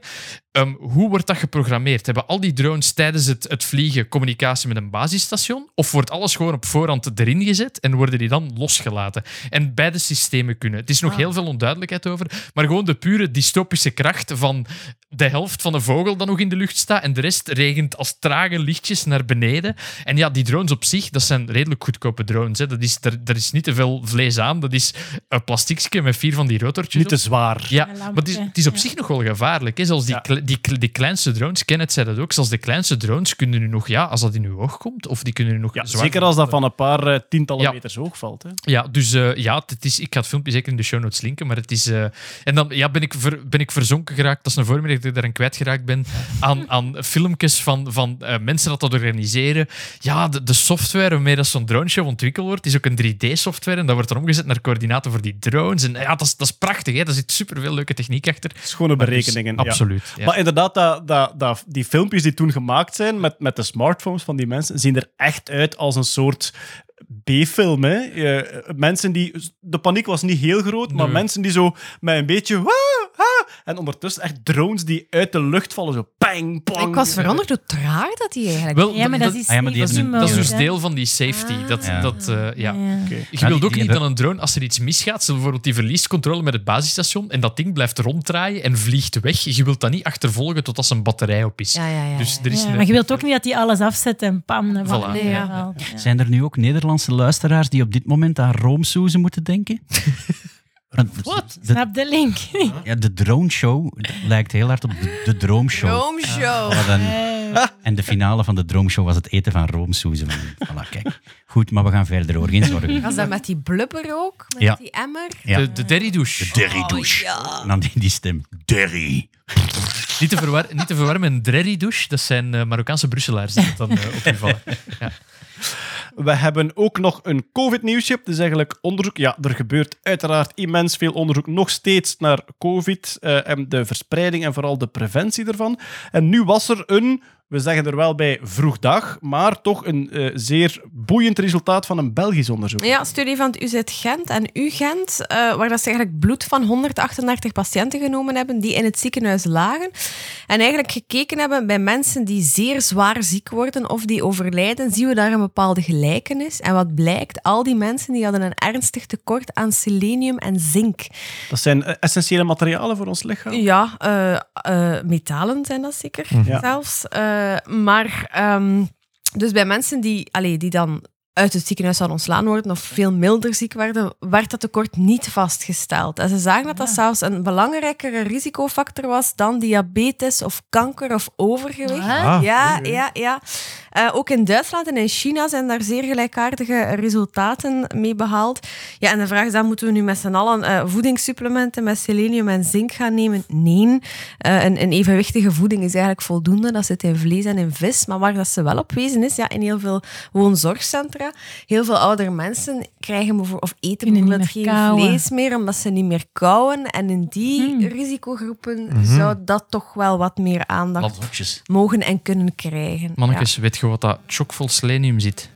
Broccoli. Leuk geprobeerd, broccoli. Ik sterf nog liever. Maar dat is inderdaad, want we gaan, we gaan, wel, ver- we gaan wel vermijden dat we zo een soort nieuwe eh, ehm, eh, medisch tipje daar rond gaat. Hoe Nee, moet je nee, allemaal nee, selenium pakken? nee. Er werd heel duidelijk gezegd door de onderzoekers, eh, iemand met een gewone voeding en gewone voedingspatroon heeft dat tekort niet. En het enige waar zij zich op willen toespitsen in de volgende stap is woonzorgcentra. Moeten we daar misschien meer Of aan? mensen met Dus, kanker of ja. onderliggende. Stuur al je broccoli naar de woonzorgcentra. Maar wel een interessant weetje daarbij vond ik een onderzoeker die zelf zei: in Finland gebruiken ze al decennia lang eh, selenium in meststoffen voor de landbouw, waardoor dat dus planten en zo veel meer selenium bevatten. En daar zou een opvallend lage covid-sterfte zijn in Allee? Finland. Oh. Dus zo. Ja, ik vind dat wel boeiend. Dat, ik vind dat geweldig boeiend. Alleen, we moeten altijd beseffen dat, we er nu, dat we er nu middenin staan Ja. en dat dat nog alle kanten kan uitgaan. Maar dat zijn, het zijn allemaal dit soort stapjes waardoor dat we over tien jaar gaan snappen wat er ons overkomen is. Exact. Terwijl jullie bij mijn graf staan. Oh, had er maar broccoli gegeten. Met kaassaus was oké. Maar dus het selenium-dieet, dat is- die is voor u nu. Ingeborg, doe maar. Ik, heb, ik heb deze week een heel goed gesprek gehad met Ingeborg. Ah, maar dat kan ik geloven. Echt waar? Ging het over een schuif af? Eh, Wat? hè?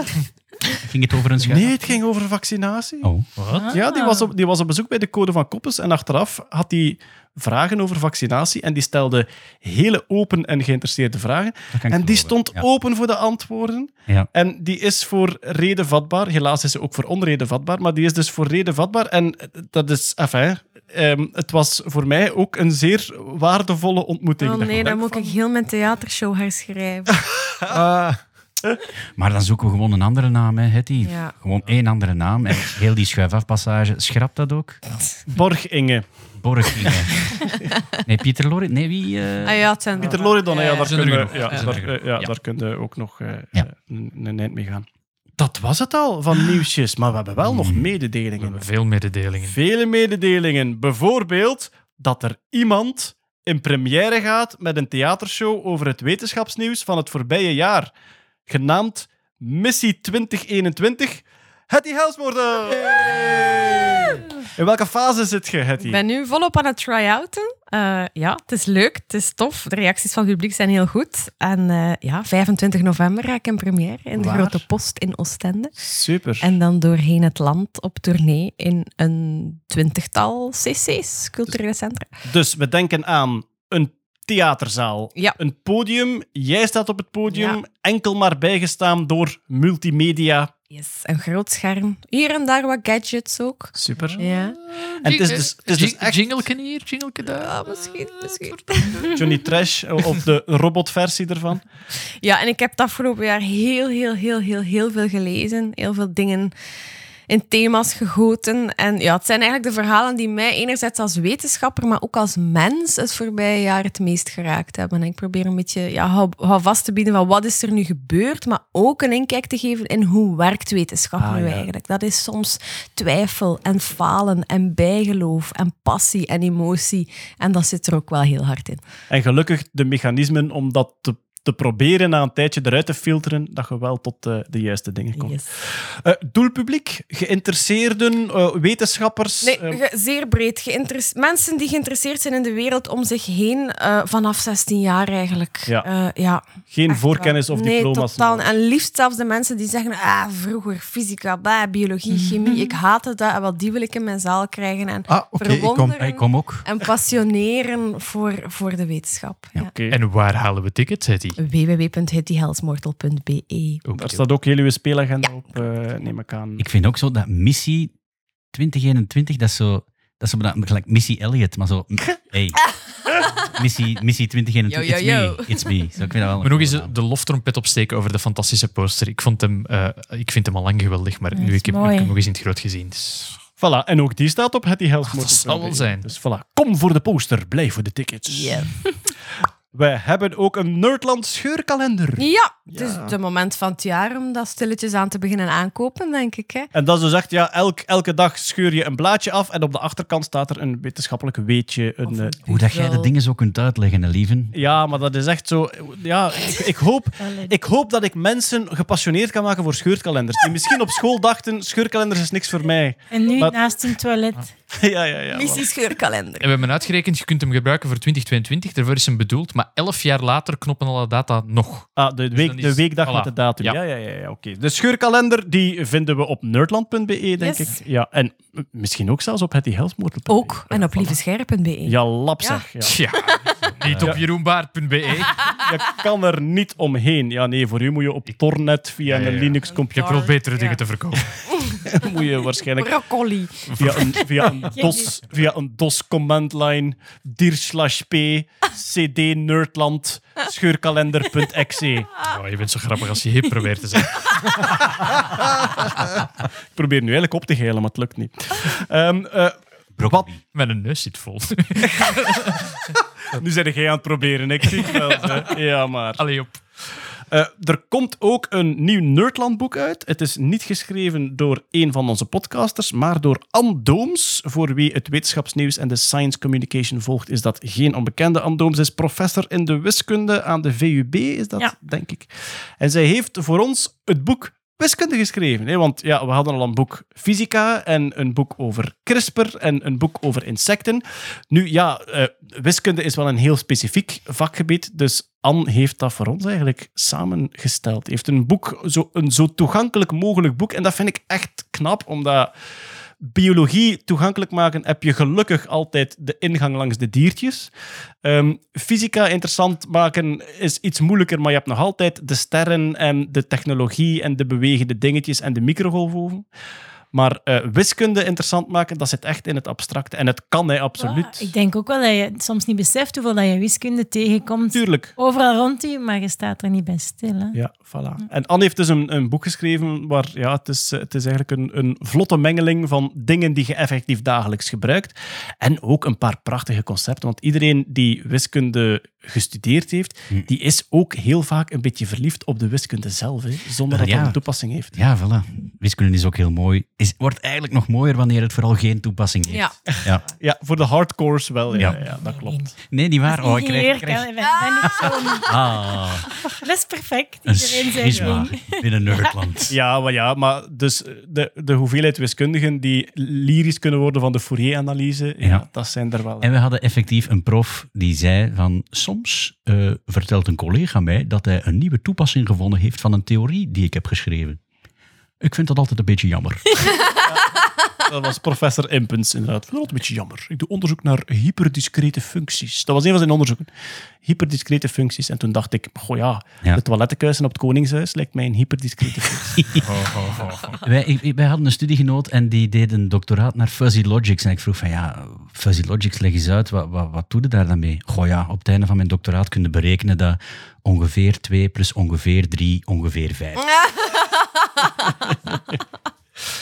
Wiskundigen met humor. Ze bestaan! Ze bestaan. En dus het boek eh, Wiskunde van Nerdland kan je vanaf nu bestellen. Ook op nerdland.be, natuurlijk. En ja, wat ik toch ook nog snel wou vermelden, is dat de Code van Koppels opnieuw gestart is op VTM. Elke zondagavond op VTM. Ehm, ja, ik mag daar een kort wetenschappelijk uitlegje doen, maar er zit een veel grotere Nerdland-aanwezigheid in de escape rooms van de Code van Koppels. Namelijk, die zijn voor een groot stuk mee uitgedacht en gebouwd door Kurt Beheid. Ja. En daar wil ik toch bij zeggen, want ik, ik heb al, ja, ik heb alle opnames nu gezien. Ja, ik zeg het nu goed. Ik- het is niet omdat ik reclame wil, maar ze zijn echt hilarisch. Ik heb in mijn broek gepiest van het lachen. Maar wat, dat, wat dat daar voor mij een immense extra laag aan geeft, je zit naar die escape room te kijken en ik weet, alles wat zij doen van trucjes werkt echt. Dus normaal in televisie, als je ergens op een knop duwt en er gaat een kast open, dan zit er gewoon iemand backstage die die kast open duwt. Niet als Kurt Beheid een escape room bouwt. Moet kloppen. Die kamer zit vol Arduino's. Er was op een bepaald moment zelfs, moesten ze een lichtje aansteken en dan ging er een ander lichtje aan aan een schilderij. En dan achteraf, heb je dat gezien van dat lichtje? Ik zei, ja Kurt. Ja, dat was dus met een Bluetooth-verbinding. En dus als die Ah, ene nee. ding, dan was er eigenlijk een ander bordje met Bluetooth dat hij eigenlijk kon zien. En dan gaf hij mij volledig de uitleg van hoe dat hij de bits gebruikt had om die informatie door te sturen. Dus ik vind dat een heerlijke extra laag aan de code van Koppes. Kijk naar die kamers en denk bij elke ledlamp en bij elke eh, elektromagneet die aangaat, Kurt heeft dat bekabeld en gebouwd. Eigenlijk en zouden ze dan een behind the scenes moeten Ja. doen. Ja. we zijn er al lang over bezig Ja, en we zouden het heel graag doen. Alleen het is heel moeilijk, omdat alles valt natuurlijk onder de franchise van Mm. VTM en ook van de Code van Koppes. Maar Kurt en ik zouden heel graag eh, een podcast of een commentaartrek of zelfs YouTube-filmpjes maken over wat zit er allemaal in die kamer en hoe werkt het precies. Ja, gewoon een online luik, dat is toch... Dat lijkt me toch niet zo moeilijk om dat geremd te krijgen met het, eh, pro- met het product. En wel, ik heb het geweldig druk gehad en dat valt nu stil. Dus misschien over één à twee weken dat Ja. je mij kunt porren en zeggen van, lieve, doe dat nou eens gewoon. Ja. Ja. Want nu moeten al die BV's, voordat ze het programma moeten verlaten, luisteren naar Kurt, hoe dat alles in elkaar steekt. Die zijn er voor het weekend niet buiten. Nee. Dat is de echte escape. Waar is die deur? En dan hebben we natuurlijk nog een sponsor! En door een of andere toeval van het lot zijn er sponsors die ons contacteren waar ik al jarenlang enthousiast over was. Dat was inderdaad het geval met Het Geluidshuis. Dat is eh, deze maand onze sponsor. Zij produceren eh, podcasts en, en hoorspelen. Eh, en zij hebben eh, dit maand een nieuw project uit. Het Geval Galileo. Een hilarisch hoorspel over Galileo Galileo. De uitvinder van de twijfel. En dat is zeer belangrijk dat dat de uitvinder van de twijfel is. Want het hoorspel is gericht op eh, jongeren die nu momenteel hun... ehm, hoe moet ik zeggen? Het Lentefeest. lentefeest doen. Dat vroeger... Ik, ik ben Ja. Klassiek opgevoed eerste communie was. Dat zijn de Nee, jongeren die eigenlijk... communie. Plechtige communie. Jongeren die Nee, Jeroen, nee. Nee, Jeroen, nee. jongeren die in middelbaar gaan binnenstappen en daar met een, een weelde aan kennis gaan geconfronteerd worden. En dan is het natuurlijk zeer belangrijk dat je alles in vraag durft te stellen. En Galileo Galileo was wel eh, zo iemand. Misschien even over het geluidshuis voor de luisteraars die het nog niet kennen. Zij produceren heel veel, hè, van, van reclamespots tot podcasts tot van alles. Maar zij hebben al eh, jarenlang een traditie van luisterverhalen. Die worden, ja, dat kunnen we eigenlijk gewoon zo wel zeggen, door de beste stemacteurs van Vlaanderen worden die ingesproken. Absoluut. Ja, zalig. Ja, die zijn, die zijn gericht op kinderen, maar uiteraard met de hele slimme Disney-truc dat daar ook heel veel voor volwassenen in Ja. zit. Dus als je in de auto zit en dat staat op voor de kinders, als volwassene pikt er zoveel op waar dat je zelf ook een keer lekker mee kunt giechelen. Dat, Ja. ja. ja. Maar het is vooral ook, die dingen zijn gemaakt met zo'n métier. Amai. Dat is die liedjes, die... Ja. Klopt. Al, heel die, heel die, heel die, die auditieve ruimte, dat klopt gewoon. Je hebt nooit zo dat je zoiets hebt van, ah, we zijn in de... Nee. Het is geval, het geval Galileo is een verhaal van Paul Wouters met muziek van Koen Brandt Ja. en met de stemmen van onder meer Tom Vermeer en Ella Leijers. En dan moet ik nog zeggen van Stefanie, die is er momenteel niet bij, maar ze is een, een illustratrice. Zij was zeer te spreken over de illustraties van Matthias de Leeuw. Dus Ja. het volledige pakket is een boek en een cd en Mhm. een downloadcode bij. En het boek zelf is qua illustratie ook het summum. eh, Maar je kunt dus ook gewoon de Ja. app downloaden. En download. daar- Ja, het geluidshuis heeft, heeft ook een app en in die app staan alle luisterverhalen ook te koop. En dan kan je dus ja, in de wagen bijvoorbeeld gewoon op je telefoon kiezen welke dat je wil horen. Maar ze komen wel ook in mooie uitgaves met een hardcover boekje waar dan ook extra tekeningen in staan en bepaalde stukken tekst. En ja, de, de meeste van de verhalen zijn ook met liedjes tussen, dus in een soort musical formule. En bij ons zijn er wel een paar klassiekers die luidkeels Ja, meegezongen ja, die worden. liedjes Oh, ja. worden bij ons ook Ja. regelmatig gezongen en gebruikt als quotes. En, eh, Bij ons, denk ik, is vooral de, de, de meer, meer, min. De, de kikker Ah. die een lied zingt voor de meer, meer, min. Want ja, het is een zee, meer, min, maar ze zit in een meer. Dus het is een meer, meer, min. En die eigenlijk een heel mooi... Mijn meer, meer, min. Mijn meer, meer, min. Ja, dat zingen wij collectief. wij gebruiken al vaak gezegd wie gezegd. Ja, Ja, ah, wel, ja, ik voilà. wilde juist zeggen, ja, dat was bij ons Ik de favoriet. zingen en ik denk van, is dat wat dat de sponsors willen? Ik ik hoop dat dat is wat de sponsors Zoveel met Maar, maar wat ik inderdaad het leukste vind, en dat heeft die nieuwe CD ook, is dat je daarmee wij altijd in de auto, wij, hè, de Ja. kinderen op de achterbank, mogen een CD, mogen een CD geluisterd. Dan is het gevecht welke, want we hebben dan die hele wire CD's. Maar inderdaad, die kinderen amuseren zich. En Thomas en ik en mijn man En we moeten altijd zo eens naar elkaar kijken en zitten we te lachen, maar dan snappen die niet waarom. En ja, Ja. die dubbele bodem is zo leuk. Ja. Inside jokes. En, Kunnen we echt Ja. uren naar eh, Italië mee rijden. Of zo. Is het de juiste versie van het verhaal van Galileo Galilei? Ik definieer de juiste versie. Ah, wel ja, dus, dus de gangbare versie is dat die verketterd werd hè, door de kerk, omdat die het geocentrisch wereldbeeld Ja. aankaart en het heliocentrisme begon. Komt erin voor. Ja, ah ja maar dat is niet juist. De, de juiste versie is dat eigenlijk niemand vond dat heel erg. Iedereen was daarmee mee. Maar die ampetante Rick, die jodelde zijn theorieën altijd. Galileo, Galileo, Galileo, Galileo, Galileo, Galileo, Galileo. Dus dat was, ja. Voor historische kennis, Bart van Peer. Je hebt net waarschijnlijk 50 buizen op examens op u geweten. Is dit wat de sponsors willen? Ik moet wel zeggen, dat is wel het soort van ja, creatieve uitstapje dat ze ook Dat altijd zij wel doen, doen hè? met de Ja, dat is- verhalen. ja, Dat- ja, het klopt wel heel erg. Ik moet nog dat was mijn dat- bedoeling, Jeroen. Ik moet nog vermelden dat de site geluidshuis.be is en dat de prijs voor het boek CD in de downloadcode in ronde 1995 is eurotjes. Dus ik Prachtig. zou zeggen, ga daar naartoe. Ik heb al meegespeeld in een geluidshuisverhaal. Ja, als de molle, Jaloers. mollenkapitein of zo. Ja, de-. Jij moest, jij moest die, de, de biologie van de mol beschrijven. of. Nee, ik was de generaal van het Generaal. mollenleger. Ik moest dan dingen zeggen als presenteer, vraag, als ik geïnterviewd werd. Maar nu weet ik wel niet meer welk verhaal dat is, dat mollenleger. Jawel, jawel, de Wacht, zevende dienaar. Ik ken ze allemaal. Ik ben een kenner, kenner. Is dat dan met de wereld bovenaan en onderaan Ja, die gespeeld? ja, Ja. ja, met dat Ah, ondergronds koninkrijk. De Ja. zevende dienaar. Ik wil even zeggen dat een van mijn dromen is het v- stem geven Ja. van, van een tekenfilm of dit soort van... Wilde jij Maar stemmetjes ja. doen? Oh my, zo graag. Els wil stemmetjes meedoen in het doen. geluidshuis, alsjeblieft. Wilde jij meedoen in het geluidshuis, Ja, Marianne? Ja, oké, ja, voilà. Kijk, het zijn allemaal Ja, maar- open sollicitaties. Is dit En Bart- sponsors? En Misschien wel. Bart, ja, wil jij ook meedoen in het Ja, geluidshuis? Bart, ik kan een hele cd alleen opnemen. Ik kan, ik kan heel veel stemmetjes. Goed, geluidshuis.be. Voilà, eh, daarmee hebben we alles gehad voor deze maand. Eh, iedereen die nu nog luistert, heel erg bedankt om te luisteren. En natuurlijk ook bedankt aan Jeruma. Doei. Bart van P. Tot ziens. Els A. Dag. Peter Berks. Dag. Marian Verhels. Ciao, kus. En Hetty Helsmoort. Met veel plezier. Graag tot de volgende keer. Dag. Bye. Dag.